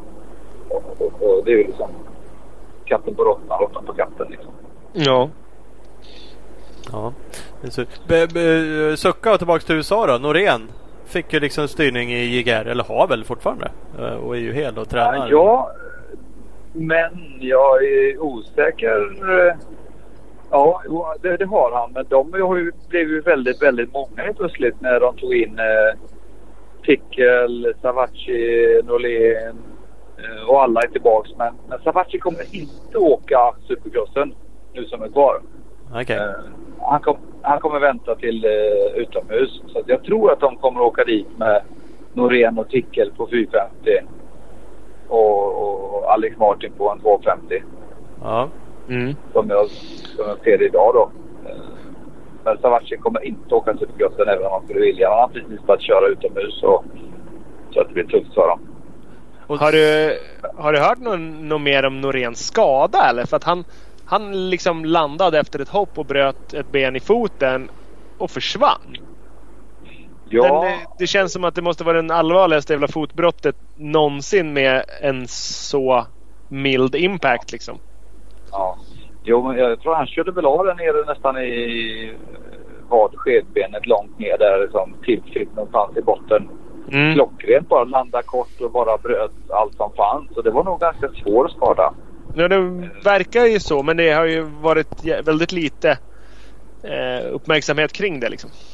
Ja, exakt. Och det, det blir man ju än en gång förvånad att de inte riktigt rapporterar vad, vad händer, vad gör man och... Eh, man, vi är så många nördar som sitter här, som Norén, som man vill att han ska lyckas. Eh, så att han... Eh, man skulle vilja ha lite mer liksom, uppdatering. Vad, vad hände? Och, och inte kanske bara... Följer man inte hans tjej Amy på Instagram så får man inte reda på något. Känns Vet man skit. Han är inte svinbra på att uppdatera själv. Och eh, jag ska inte säga att vi jagar ihjäl oss efter honom. Men jag har försökt någon gång förut så här, liksom, att fråga om han vill vara med igen. Och han, ah, han är inte blixten på det liksom. Inte sådär så att han bryr sig direkt att han... Så Och det är lite skrämmande egentligen för att det finns nog sven- svenska sponsorer som skulle vilja stötta honom. ja, Om han var bättre på att sköta rapporteringen. Ja, det känns ju verkligen så för att han är ju... Ja, fan i våra ögon är han ju värsta champen där. Nej men han är ju duktig. Han åker ju fan fort när han åker. Han Ja. kollar ju in och han har ju utomhus Ja. har han ju varit super super duktig så att det är liksom... Eh, Ja. det, Nej, Ja. det, det, han är grym och ja, det är ju bara att hoppas att eh, de får en, en, en gasgasbil eller eh, om de hamnar på något annat märke, Yamaha igen kanske. Eh, för det, det ryktas ju också att Yamaha Factory ska läggas ner eh, och, och, och sourcas ut igen. Eh, Mm. rä- Räddningen skulle väl vara om Barca blir trea. Då blir han automatiskt förnyelsekontrakt och då måste de köra fabriks ett par år till tror jag. Eh, Ja. Eller tror tror men de har också, de bestämde att nu kör vi fem år. Nu har det gått fem år sedan de kom tillbaka. De var faktiskt borta många år. Mm. Och de har hittat till för att eh, ni, ni får ta fyrfältsteamet också. Men nu har nog de sagt nej, att det gör vi inte. Och då, och då har även jag hört att JGR, vi kanske ska ta Jamma igen. Men de har ju varit där hos Jamma en gång och det kanske inte slutar på ett bra sätt. Eh, men det kan också vara ett alternativ. Eh, eller om eh, det, det rullar på och blir fabriks igen då. Men eh, ryktet har varit att det, det faktiskt skulle försvinna igen. Fa- Och, och vill de, Barca, men hur, hur blev det brytet med, med JGR? Det kan ju bli spännande annars att jamma tillbaks dit och Barca tillbaks dit. Ja. Ja, nej, nej, nej. Det, det, det, är liksom, det, det känns som det finns att alltså, gå tillbaka dit. Men eh, money talks liksom. Och Ja. Han har ju aviserat att han ska flytta till, sig till Europa för att han kanske tycker att då flyttar jag till England med tjejen liksom. Kan jag köra VM eller lägger av liksom. Men han känns ju fortfarande väldigt hungrig och inte vill sluta. Nej. Känns inte han, för jag såg också det att han, det var ju nästan självklart. Han bara när karriären är slut åtminstone liksom då flyttar vi till England. Och, och liksom, karriären är slut men liksom att han skulle kunna tänka sig att köra någonting även här. Eh, han känns väl som att han skulle kunna anpassa sig och faktiskt kunna lyckas i Europa. Mm. Gör inte det? Det tror jag. Det, tror jag också att han är en av, en av få liksom. Han vill bo här. Han har en bas här. Han, har- han kommer ju ha familj här. Så jag kan tänka mig att han kör engelska mästerskapet år kontakt. Kanske blir med VM. För att han tycker det är kul att åka hoj. Jag tror inte han det som bara bara försvinner. Utan jag tror att han har genuint intresse liksom. Det är ju mer att, att han kommer hit för att han vill det. De, eh, Alessi och alla andra Ja. liksom, som har kommit hit. Det är för att de inte haft något val. De är tvungna att åka hit för att få Ja. en styrning. Och eh, det har inte bara varit självvalt att nej men fan det här ska Nej. bli kul liksom. Utan det har varit på ett annat Ja, sätt. Då är det svårare att lyckas. Men om man tar det för att det ska vara en kul grej så ja, är det nog Ja. lätt. Verkligen. Nej, men så, så är det ju. Och eh, på tal om Alessi så fick jag samtal igen med hans pappa här bara för några veckor sedan inför nästa år. Att, Glöm inte Mike till nästa år. Nu vann han Fight Club här. Ja, ja. Ja, jo. Det, kanske kän- inte, Tänk- är riktigt merit. Tänk om Bradshaw hade vunnit. Hade ni varit tvungna att signa han då? ja, exakt. Det, ja, det vet liksom. Det. Fan, han kör, så har ni sett Fight Club förresten? nej, jag har bara sett inför. Jag har inte hunnit sett racerna. Jag har också bara sett lite jag, har klipp. jag, har en gratis, jag har en gratis länk så ska ni få den här så kan ni se hela tävlingen. Ja, var det bra eller? Det var både alltså, lite ljud och lite kameravinklar var, var inget bra. Nej. Men eh, ra- racingen var kul och underhållande och Bradshaw imponerade faktiskt. Han körde ju skitbra. Ja. Men någon som åkte som en gud, det var ju Windham. Alltså Ja. helt galet vad bra han körde. Jag såg någon klipp bara. Det finns ju något jävla whip-klipp där och grejer. Bara, vad helvete. Vilken jävla style han har. Sen är han ju så jävla cool liksom. Kommer dit skäggig och hans kläder kommer ju inte. Sen åkte runt i någon jävla flanellskjorta och dricker lite bärs kvällen innan och bara känns fullständigt Ja, oseriös nej. liksom. Och, Men han har ju Ja. sån jävla talang. Det har de ju alltid sagt. Ja, det är helt otroligt. Och, och men tar man då Saip som är, är bra och kör ju, kör ju fortfarande allt som finns. Han är är inte en suck mot dem. nej. Det var riktigt eh, coolt att se. Så, Men, eh, nej, men det, var- det var ett kul initiativ. Det, det, där, det där kan ju få leva. Men det, det kommer ju aldrig kunna funka den dagen när all racing är igång. Nej, nej, nej. Det är ett, ett tidsfördriv liksom. Men det är ju en cool grej. Ja, verkligen. Nej, det var skitkul. Och i och med att, ja, fan, det var ju han som jag tog med till frisören och ville klippa efter. Så det var ju Bradshaw himself. liksom. Mm, precis. Och sen, vad fan, de där är ju... Det är ingen av dem där som... Du, om du släpper ut någon av dem där på en hoj så är det ju ingen som tycker att nej, det är lugnt. Jag kan bli tvåa idag. Utan finns det läge då sätter de ju av varandra eller kör över om det behövs. Och, och, och just att man, man tänker på hur talangfulla de där är. Att, jag menar, Jake Wymert och de här killarna. De hade inte en suck. Gamlingarna åkte ifrån dem liksom. Ja. Så det, så det var ju bara Alessi egentligen som var lite vassare än alla andra. Liksom. Mm. Ja, han visste vad Han hade tryckt upp en tröja med nummer ett på sig så han var rätt säker att de skulle vinna. Han med- hade med sig den på prispodiet och drog på sig den. Believe the hype. Ja. Ja, Believe the Hype och två dagar senare ringer pappa Tony eller, eller till Sverige. Ja, tänk, tänk på Mike. Han liksom Ja, fortsätter har, harva runt tycker man ändå och kör lite kanadensiska och allt vad det nu är. Och jag fattar ju, han har ju säkert liksom okej pröjs för att göra det. Så att det, det är väl ett jobb så då, Men att man ändå tycker att det är kul för han har ju varit Ja, han hade väl ändå en, en bra proffskarriär också liksom, när han var aktiv. Även om det inte blev supertopp så var han ju liksom alltid duktig. Han var ju tvåa, trea i utomhusmästerskapen ganska många, eller ett par stycken gånger. Så jag tror säger han har haft en väldigt bra karriär. Och, och gjort det bra. Men eh, sen, sen eh, var han ju aldrig så superbra i supercross som han behövde vara. Nej, det han var har kanske det. fått det er, erkännandet men, men ändå. Ja.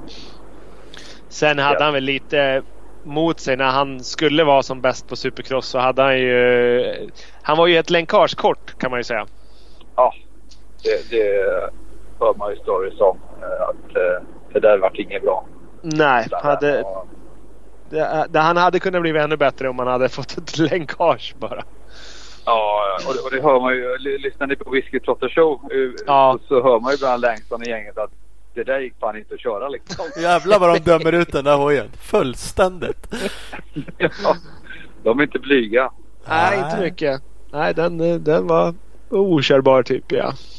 Det, det känns som att alla bara är överens om det. Det spelar ingen roll om man typ skulle vara kontrakterad KTM-förare så har man typ rätt att säga det där ungefär. det, det känns som att Ja, det bara... men det, Ja. den gick ju bra i cross. Utomhus var den ju okej, men just whoops, då Ja. var den ju så jävla oförutsägbar. Ja, det gick inte. Det, det gick verkligen. Nej, de, de dömer ut den stenhårt. Det är rätt kul. Kul show att lyssna på faktiskt. Ja, jo, men de är, roliga gäster så att det finns en hel del shower nu för tiden. Poddar och varianter. Ja.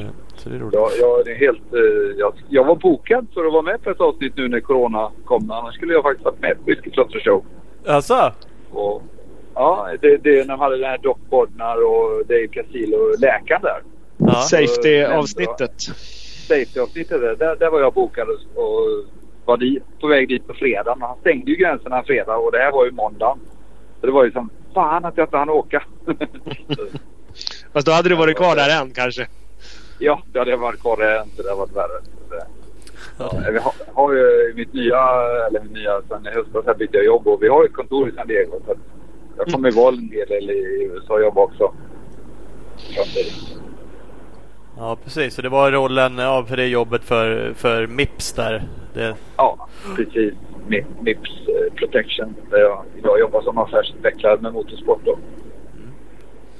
Ja, du ser. Ja, det hade varit coolt. Får man hoppas att det blir fler tillfällen för sånt. Då. Ja, det får, det får vi hoppas. Man får väl köpa sig innan. Precis.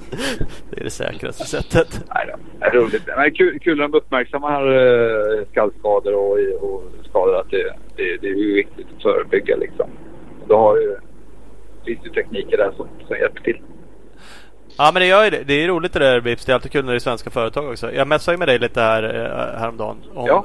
ak- Apropå säkerhet. Jag surade ur på min fyraåriga son och skulle knäppa en hjälm. Och liksom crossspännet. Tycker man ju fan nästan är krångligt själv ibland. Och spänna det på en fyraåring som inte vill stå still. Ja.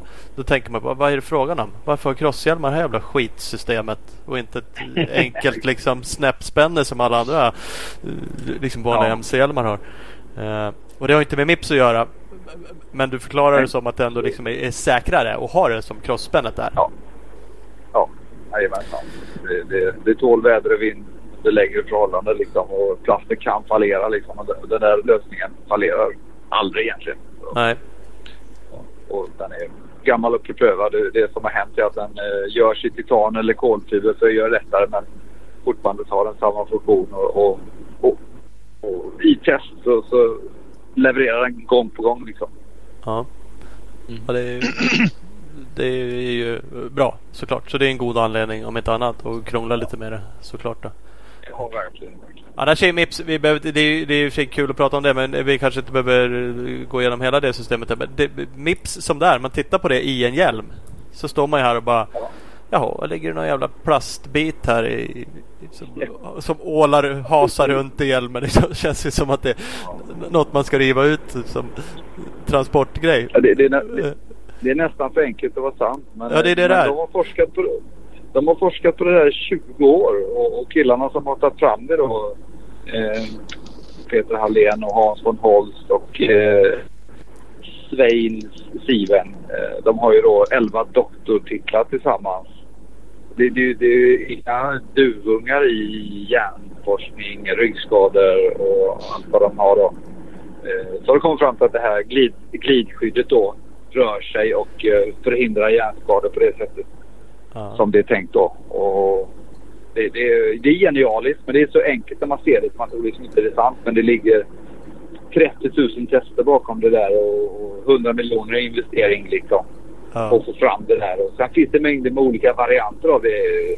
Olika strukturer, eh, clippery och sy, hur det ser ut och vad det sitter och, vad det ska göra liksom då. Men eh, tanken med det är att en hjärna skadas väldigt eh, lätt av eh, en rotationsrörelse. Har du en linjär smäll i pannan så tål hjärnan tio gånger mer än att du får den från sidan. Och det är den här sidorörelsen som är jättefarlig att få. För då, då, då drar man av en hjärncell och en hjärncell som går av, den, den lagas aldrig utan den är död.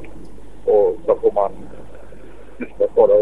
Vid det här då, MIPS eh, lågfriktionslager man sätter i så rör sig det 10 till 15 millimeter. Och då får man en, ytterligare en förlängning av hjärnan, hjärnvätska, skallben och så lägger man det här glidlagret och en hjälm så får man en, en ytterligare rörelse som förhindrar det här döda stoppet. Eh, och då får man så otroliga eh, testvärden på att du klarar hjärnan eh, vid islaget då. Och framförallt från det här sidoutslaget. Alltså det, det är en genialisk liten sak men den ser väldigt simpel ut. Men rädda livet enkelt. Ja, och det är ju det, det coola. Så att jag, jag menar det på något positivt sätt. Men som sagt, när man ja. ser det i en hjälm. Och man kan ju dessutom ta ut det och liksom bara sätta tillbaka det med. Ja. Man bara visar, fan, det sätter jag tillbaka det här. Hur noga är det liksom? Och jag inser på något sätt att det, kanske, det är kanske inte skitnoga. Det, det är skitcoolt. Det rör sig liksom. Det, ja, men jag gillar ju det. Sådana uppfinningar är ju alltid de coolaste liksom. Som är enkla men bara ja. genialiska. Ja, det, det, det är jättehäftigt. Precis sekunder man står i huvudet så väger ungefär du 750 kilo. Så många kan tycka att ja, men jag har ju hår eller jag, det, det rör sig lite, det är ingen fara. Men 750 kilo vid islagsögonblicket. Eh, det betyder att du måste ha någonting som är jättehalt för att du ska glida vidare. Ja. Och det här klarar liksom all belastning. Så man kan tycka liksom Malcolm, eller Malcolm Stewart, han borde ju aldrig ha det här problemet. Han har ju jättemycket hår. Ja. Men även hans hår pressas ihop liksom. Eh, om han skulle krascha på det sättet. Mm. Eh, och, så det, det, det är ganska det är rätt spännande att jobba med det och få känna. Det, det är så mycket annat bakom också med forskning. Hur det trillar och vad den gör och hur kom det till liksom och vad kan vi göra liksom? Vad, vad, vad är den nya standarden i framtiden liksom? Idag ja. testar man inte hjälmar från sidoinslag utan man testar det från rakt nedslående då, ett linjärt eh, islag som det heter. Och det skulle egentligen en, en mössa vara mycket bättre för den klarar i det fallet bättre. Ja, precis. Men, eh, vad jag har förstått, om man säger, för, för amerikanska hjälmar är mycket tyngre. Eh, generellt sett i alla fall är min känsla. Och liksom europeiska och tar man en aerohjälm så väger ju för fan luft liksom. Känner man det här kan inte skydda ett skit. Men, men, så har jag förstått att liksom testningen i Europa är mer så här, man vet vart man testar en hjälm. Det är typ de här tre punkterna. Ja. Och då kan man stärka en hjälm, ja, kanske en aerohjälm då liksom. Den är skitstark ja. på de punkterna och kanske värdelös. Precis, precis så. Eh, den här standarden som heter EC2205 den, den träffar i pannan på aerohjälmen eller, eller aero, inte aero men den träffar exakt på samma ställe hela tiden. Men att du har den amerikanska dottern då säger vi. Den träffar också bara rakt uppifrån men på sex olika ställen. Ja. Och nästa gång så är det sex andra ställen. Så den måste ju vara tjockare för att klara alla liksom. överallt. Mm. Alla. Eh, kontra den europeiska exakt samma hela tiden. Men fortfarande så är det bara den amerikanska testen och även europeiska. De testar fortfarande bara rakt uppifrån inte från sidan.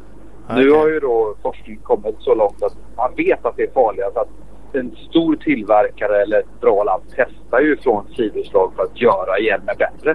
Men fortfarande är det inget krav Nej. att så ska vi testa en hjälm. Så det är upp till var och en. Hur, hur liksom, ja, precis, man får ändå godkännandet fast sen är det upp till liksom tillverkaren och då ja, hur, hur säker hjälm vill man göra och liksom hitta såklart en marknadsföringsväg för att göra hjälmen. Och, och och jag då som har varit, eh, jobbat med företag som har varit importör av Arai, 6D, liksom, Fox, EVS och eh, Shoei, allt då, då till och med när jag jobbade på en Arai-utbildning så skar de bort eh, gjorde en, tog bort material i hjälmen för, och så ändå klarade de det här europeiska kravet. Och de tog bort 40 procent av hjälmen. Men den klarade ändå kravet men du skulle aldrig ta på dig hjälmen för att halva hjälmen var ju borta. Men den klarade fortfarande ett test. Och framförallt så var hela tinningen öppen.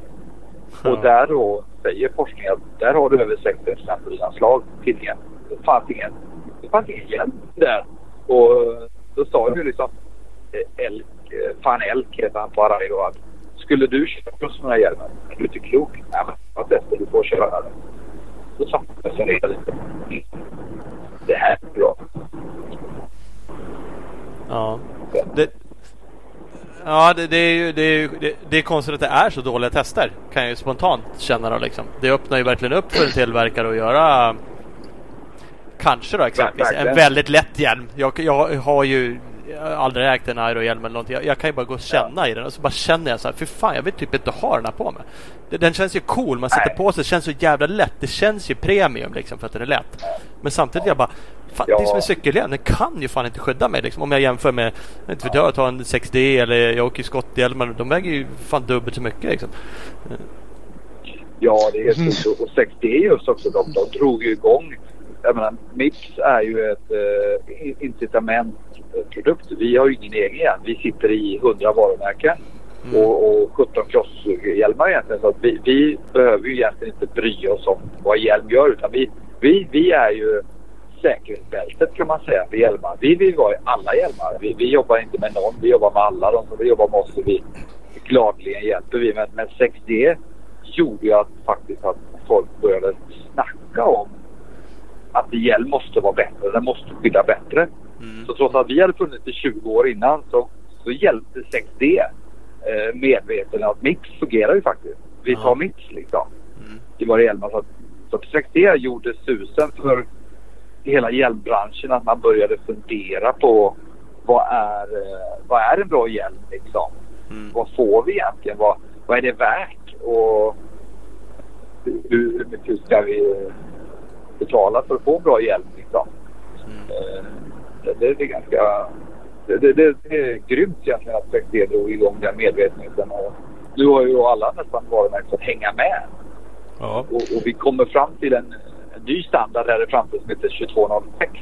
Jättefantasifullt att man ändrar en siffra liksom. Men då blir det ett krav att den här kommer testas från snea islag som då heter oblisk ja, i Impact då.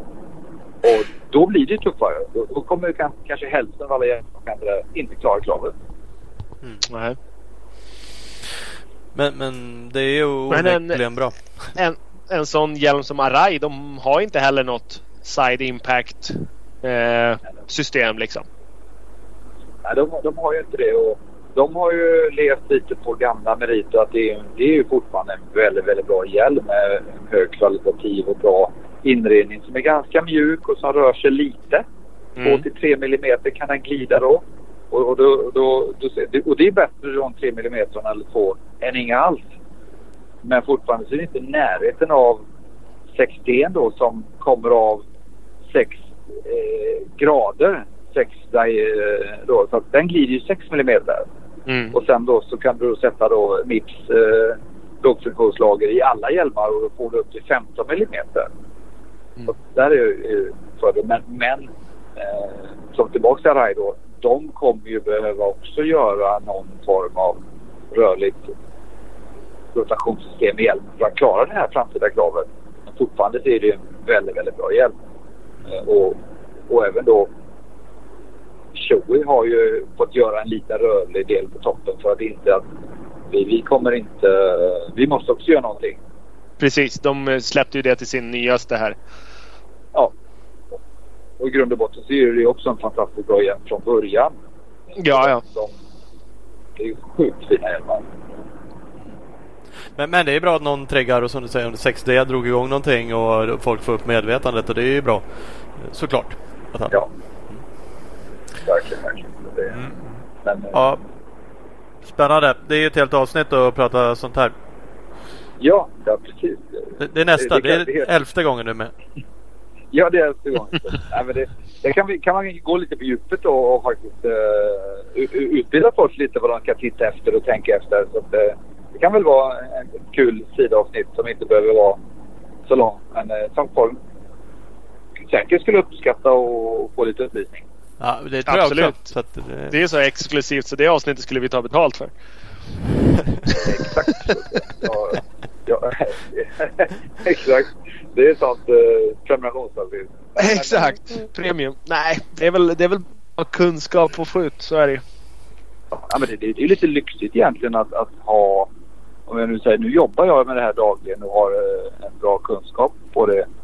Så, och, och vi vill ju dela med oss. Vi vill ju absolut inte att det här ska vara hemligt. Så att vi vill ta hand om alla. Så vi, vi är ju bara stolta att vi kan ge världen en, en, bra lösning. Och sen att det räddar liv, det är bara helt fantastiskt. Men Precis. det, det kanske ska vara ett live-avsnitt från eh, labbet i, i, i Täby egentligen. Det hade varit Ja.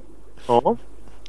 Ja, egentligen är det det. Jag, bollade ju lite med dig om det där när jag pratade spännen där. Då fick jag ju någon sån här feeling som jag får ibland. Sen har jag glömt bort Ja. att ringa dig. Men, men det är en annan grej. Det vore kul att... Det var, var ju med i race. Det var ett reportage. Det var ju kul. Men man skulle kunna filma Ja, eller för den delen köra podd. Eh, och stå och klämma och Ja. känna. Det är kul. Ja, ja nej, men det, det, det gör vi gärna. Vi, vi har journalister varje, varje vecka där uppe. Nu, nu har vi virtuella eh, presskonferenser. Ja, det är det också. Precis. Ja.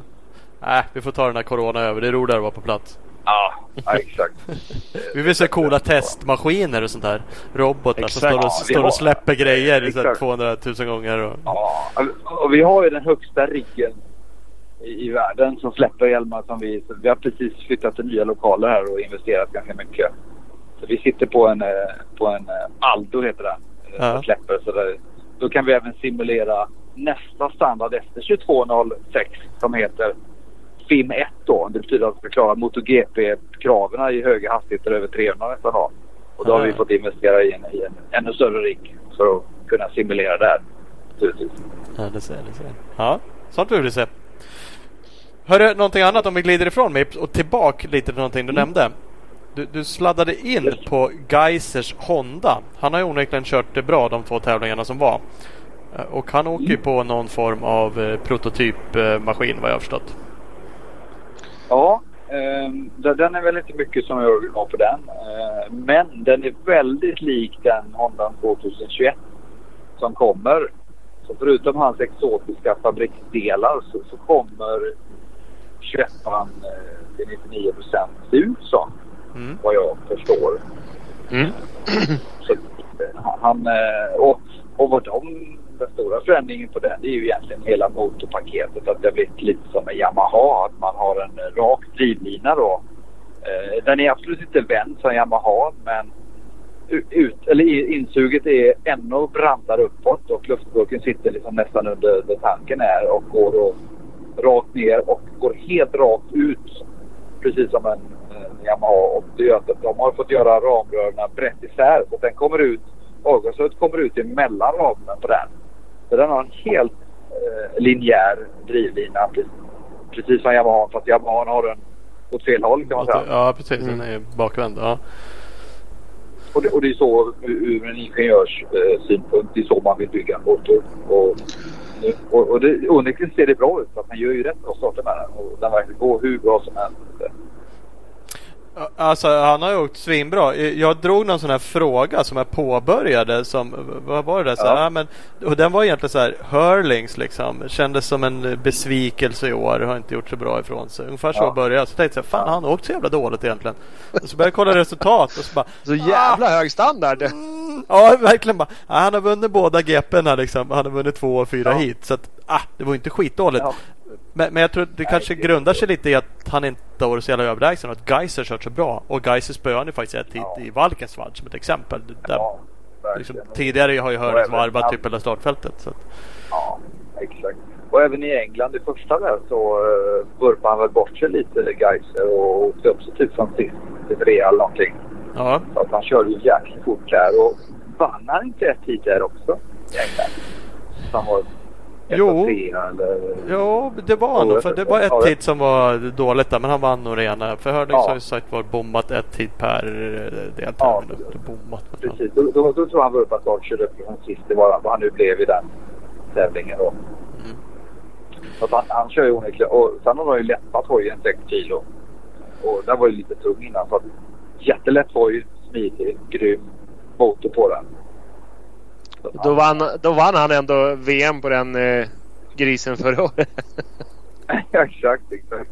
Ja, precis. Och körde på en sminkad gris liksom. Men, ja, men, ja, men d- d- Sminka Giggs är ett bra namn på en Honda. För Hondan har ju under ganska många år nu sett så jävla smidig ut. Den har ju sett som det 10 kilo lättare Ja. ut än alla andra hojar. Och spesarna är inte så eh, bra.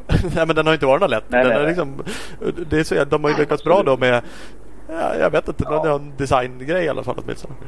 Mm, de, de, de, de egentligen har ju, den är ju tung den gamla hojen. De har lyckats centralisera vikten på ett väldigt effektivt sätt. Så att mitten på mot, eller mitten på hojen är ju mycket, mycket lägre ner än många av konkurrenterna. Så även om den har vägt mer så har du den levande massan 20-22 procent längre ner i passet än vad många av konkurrenterna har. Mm. Eh, Sen till slut så blir, kommer ju vikterna, KTM och Husqvarna är ju lätta hojar.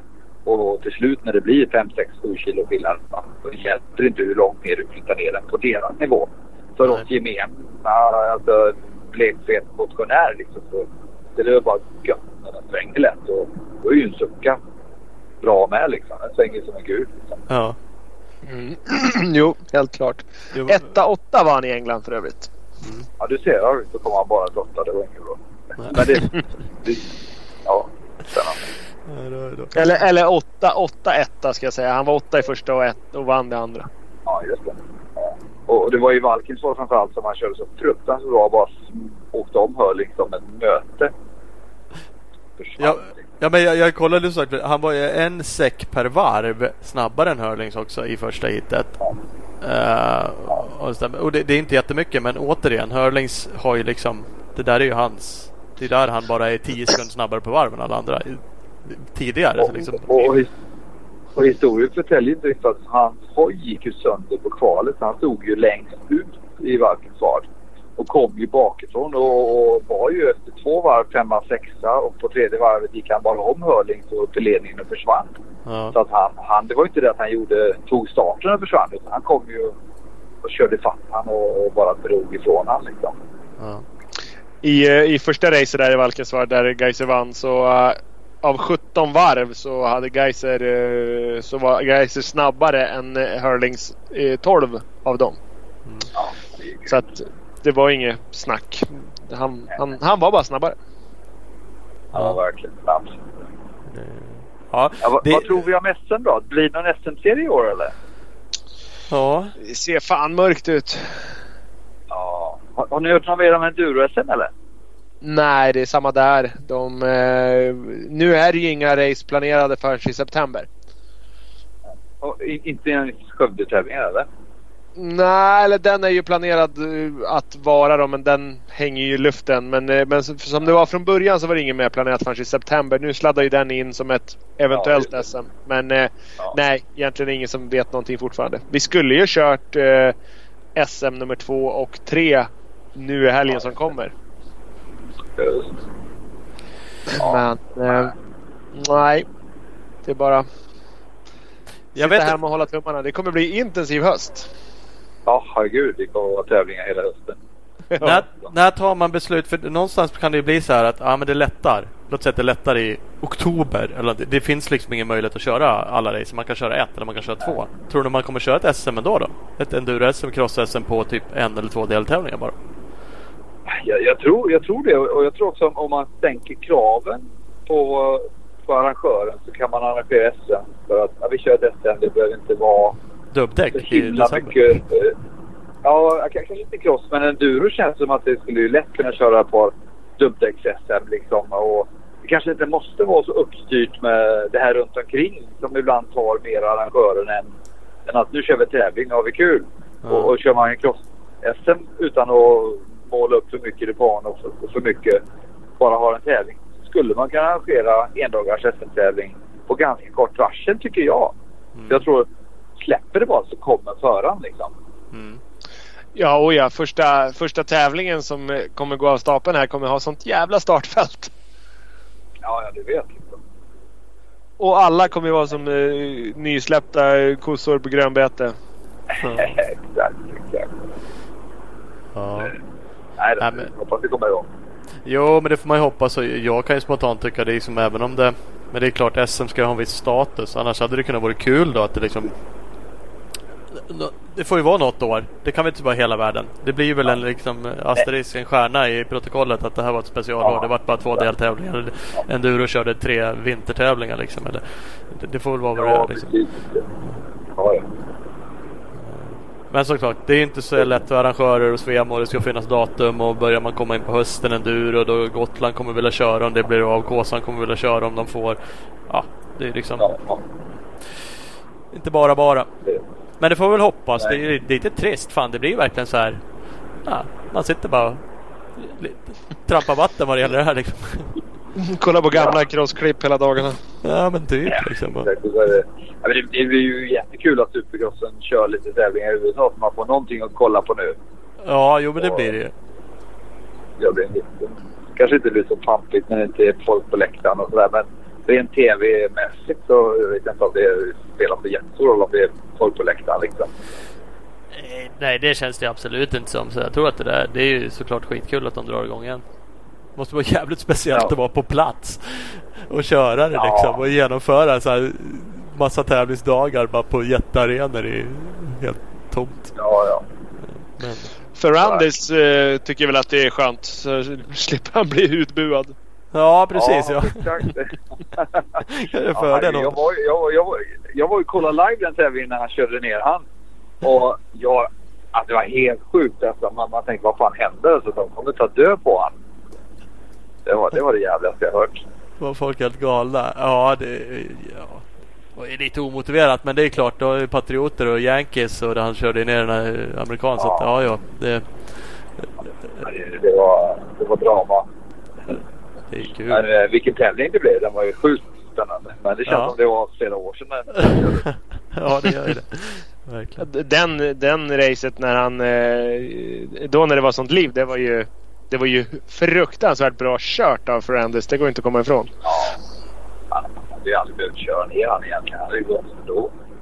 Ja, precis. Det var ju en taskig, taskig timing-grej mest bara. Ja. Ja, det var en taskig timing som, som blev är kanske ännu mer effektfull än vad det borde ha blivit. Liksom. En liten vall som Ja. bara, hade varit mycket som gjorde att det såg brutalt ut som satan. Vad... eh, Hunter eh, Lawrence då? Eller Jet Lawrence är det, heter han förresten. Jet Vad, vad tror du om han då? Vad, eh, är han framtid eller? Ja, det, det, det är det. Och, och jag förstår så ville Geico förlänga med han redan nu trots att de hade flera år med han. eh, eh, Så de insåg att det var många andra team som började rycka i han direkt. Liksom. Mm. Eh, Nej, han, han, det han lärde sig på tre tävlingar var ju helt enormt. Ja. Eh, Och är helt sjukt. Brorsan han är duktig men han slår ju sig för mycket. Och jag tror att visst, man kan, man, han kan säkert få ihop det och börja vinna men han har ju historiskt sett aldrig fått ihop en säsong riktigt Nej.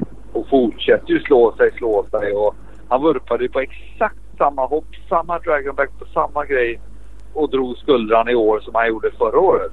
Eh, och då sa de ändå till honom, det är nyvattnat, vi hoppar inte dragonbacken. Men liksom det var, han lyssnade inte, han kom ett varv och sen bara tog kraschade han liksom bara. Du, det här är repris från förra året liksom. Så han verkar inte lära sig misstagen heller. Nej, det känns så tyvärr. Fort går det ju men eh, ja. Ja, Man ska hålla också. Ja, det, det, men det, är, det är sjukt imponerande att att se när man tittar på dem och står nära dem på testbanan. Och bara, hur fan är det möjligt? Att de inte dör varje gång. ja. Usch. Det är tur att de inte gör det i och för sig. då. Ja. Ap apropå dö. Jag, jag har en sista grej. Vi ska runda. Apropå dö. Ja. Så jävla skönt. Men, men eh, Vilken jävla klassig övergång. ja, det var ju lite otrevlig övergång. Det, det, det hänger inte så jävla mycket ihop med det. det. Jag kom in Dakar var jag lite så här. Det känns i och för sig som ett jävla... Ja, det, är, det är ju lite... Där dör ju i och för sig. Ja, det gör de. Det går inte att skoja bort. Ja, men det var, det var inte så roligt ändå. Men Andrew Short tänkte jag lite snabbt Ja. på. Eh, Han eh, har ju du kanske lite kontakt med. Har i alla fall haft eh, tidigare i Ja. åren. Jag, jag tyckte att det gick så jävla fort. Bara, rätt vad det var så bara åkte han en jamma från liksom åt eh, Husqvarna rallyteamet. Och jag fick för mig, jag började så här leta gamla artiklar. Jag bara var så här tvärsäker på att han hade förlängt med Husqvarna. Och så bara, men jag hittade ingenting. Ja. Och, och så bara, och sen läste jag eller hörde någon intervju. Det var liksom lite så här mellan raderna. Han är ju ganska snäll av sig men liksom att han var inte superpeppad över Husqvarna-teamet liksom utan hade blivit... De, de eh, tackade inte han, eh, tyckte han själv, när han hjälpte. Eh, det gav bort sitt hjul till Toby Price. Jaha. Eh, han, hade för, och, och, och då, han hade en bonus eh, för att komma på viss plats i Dakar. Och då tyckte han, jag låg här, kan ni inte pröjsa mig för att jag ställde upp och hjälpte eran kille? Mm. De bara, Exakt. Skylla dig, själv för att, du- skylla dig själv för att du gav bort ditt hjul ungefär. Oh. Där började knorra, knorra lite att jaha tack, så jag hjälpte han i onödan liksom. Tyckte han ju då. Så han kunde Ja. vin- vinna hela Dakar liksom. Ja, det... ja. Ja, och sen så började de sänka lite hans lön till året därpå. Vi vill gärna ha dig men du får gå ner i lön och sen så satt han där. Okej, jag, jag får lägre lön här. De uppskattar inte min hjälp och jag, han är ju liksom sett på life. Han behöver ju inte pengarna egentligen. Utan det handlar ju om värdet för han att jag gjorde det här, jag är värd det här och uppskattar inte mig så eh, liksom. Och sen när han åkte hem från den tävlingen där tänkte jag när han var lite piss. Så hamnade han bredvid en monsterchef. Och sa han, men du. Och, och började beklaga sig. Och monsterchefen lyssnade väl där.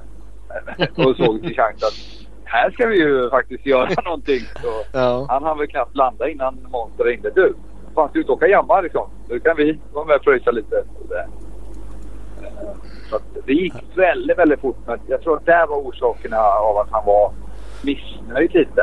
Ja. M- Med all rätt måste jag ju säga i det fallet. Det är ju nästan så att man tycker att KTM skulle erbjuda han på en styrning Ja. för det han gjorde liksom. Så, att, eh, så, så att jag tror att det var det som var grunden till att han eh, började bli irriterad. Och sen satt han på planet ungefär och gnällde att han var sur. Och där hade han nog inte bestämt sig. Så Helt plötsligt blev det en möjlighet att han satt bredvid en som hade möjligheter att... Eh, eh, ja, det, det är bara ett plus ett blir två. Okej, vi kör här liksom. Och, eh, Ja. det så, han tyckte det var kul att gå tillbaka till flykläder och sådär men det var väl inte därför han bytte på något sätt för, för fly utan det var ju bara... Ja, jag, helt plötsligt fick han högre uh, pröjs än eh, den här första lönen som de ville sänka och plus att han kände sig uppskattad då. Och, och sen så ville även då... Så var det också att uh, Husqvarna kom tillbaka och bara vi gjorde ett ettårsavtal med honom. Nu fick han ett tvåårsavtal. Ja. Mm. Så att det övervägde väl då att fan, först så uppskattar ni mig inte, ni ger mig mindre betalt och jag får bara en ettårsdeal. Nu vet jag att jag har två Dakar säkrat och liksom bam, bam, bam liksom. Så det var, var många faktorer där tror jag som, som trillade på plats för honom. Ja. Nu vet, kommer jag inte ihåg riktigt om han har åkt Monster förut. Men annars har han ju täckt av. För det sista han gjorde så åkte han väl för Red Bull på crossen och sen Rockstar Husqvarna Ja. nu och så, och så lite Monster på Ja. det. Så nu har han bra nej, med energidryckspengar. Ja, precis. Och jag skulle ju ha varit och hållit en presskonferens på MotoGP i Texas. Ja. på, eh, där, där på, på roadracingen. Och då, då hade jag faktiskt bokat två dagar och köra hoj med han hemma på hans ranch. Som Right. också sket nu med corona. Så det var liksom lite surt att... Eh, eh, fan, äntligen. Och han var hemma. Det var bokat. Flyget var bokat och... Ja, såg man det? Jävla skit. Ja, ja. Kan du stänga landet några veckor senare? Men, Precis. eh, än en gång. Jag hade väl varit kvar om jag hade varit det. Ja, du Det är får väl se så. det. Se det så. Att det var något positivt med det då. Även om det lät kul det där. Du har ju fan Ja, varit det runt där för men- Jag borde ju få åka på de där resorna. Ja, ja jag åka med den. Jag, jag, det, det kommer väl tillbaka när, man väl, när det finns läge. När man skaffar egen helikopter. Ja, precis. Enkelt. Ja, hörru jag tror vi ska... Jag tror vi ska runda. Det tror jag. Uh, Kul att jag fick vara med och, och fira 10 års... Jag tänkte att det är 10, 10 avsnittsjubileum då. Ja. Precis. Och vi Ja, sa det- innan Thomas och jag så att äh, vad fan det, det äh, hittar vi inget att prata om så kan vi runda av lite tidigare. Det spelar ingen roll. Och sen nu har det snart gått två timmar i alla fall. Ja, precis. Det, det, är- det, det är inte svårt att få igång mig. Vet du. Då, då rullar det på. Ja, det gör det. Det är Det är det som är kul. Perfekt. Det tackar vi för. Ja. Ja. Ja, Det låter bra. Och, ja, vi skulle snacka massa mer eh, rykten, snack och teknik. Men, eh, eller, men vi kommer ju inte ens in på det. Så vi får väl köra. Nej, vi hann nummer hann 11. egentligen inte någon, någonting. Men Nej. Ja, det är fränt. Det är roligt. ja, för fan. Vi tar fler, fler, fler tillfällen. Underbart. Hörru, eh, grymt. Ha det bra så hörs vi av framöver. Tack grabbar. Sköt om er. Ja, du med. Hej, hej. Hej. Patrik Andersson. Jajamän. Mm. Härligt eh, snack som vanligt. Mm. Så vi kunna hålla på i fyra timmar till. Det säger vi alltid och det, det, det är ju så. Verkligen. det är sjukt Ja, där. ibland, ibland är det verkligen så. Så det är ju uh, askul. Ja, jo det får vi väl säga som något eh, positivt då, helt enkelt. Ja, absolut. Mm. Ska vi tacka våra partners? Ja, men det tycker jag vi ska göra. Vi har ju eh, helt magiska partners med oss. Eh, och eh, exempelvis så har vi CEC Motorcycles. Eh, CSC Motorcycle består ju av två stycken butiker med märken som Yamaha, Honda, Suzuki, Kawasaki, KTM, Husqvarna. Eh, och de följer ni på sociala medier, Instagram, Facebook exempelvis på CEC Motorcycles helt enkelt. Exakt. Och vi har Big Balls MX. Den fantastiska butiken i Växjö. De är Honda-handlare, Suzuki-handlare. Så in i butiken, köp din hoj www.bigballsmx.com Och Speed Equipment, din KTM, Suzuki, Honda handlar i Vänersborg. eh, Speedequipment.se och eh, Speed Equipment på sociala medier. Skottsport Sverige. Med varumärken som Skott, CD, Acerbis, Motorex, Nolan och många fler. hittar man på www.sports.com eller Skottsports Sverige på Facebook. Och vi har Opus Bilprovning, 92 stationer från Kiruna i norr till Helsingborg i söder. Eh, du hittar ju din närmsta station på opusbilprovning.se. Yes, och de absolut bästa crossendurohojarna på marknaden. Vilka är det? Jo, det är ju Husqvarna. De följer man på Husqvarna Motorcycle Scandinavia på Instagram. Och Bike Clean Bike Wash, klart bästa tvättmedlet till din cross enduro bike. Eh, ni hittar dem på Facebook, Instagram. Eh, kan också gå in på bikewash.se för att hitta din närmsta lokala eh, handlare. Jajamän, och vi har Speedstore. Bästa butiken i Valbo utanför Gävle. www.speedstore.nu eller speed-store på Instagram. Lysande! Mm, så blir det. Tack och hej! Yes, hej då!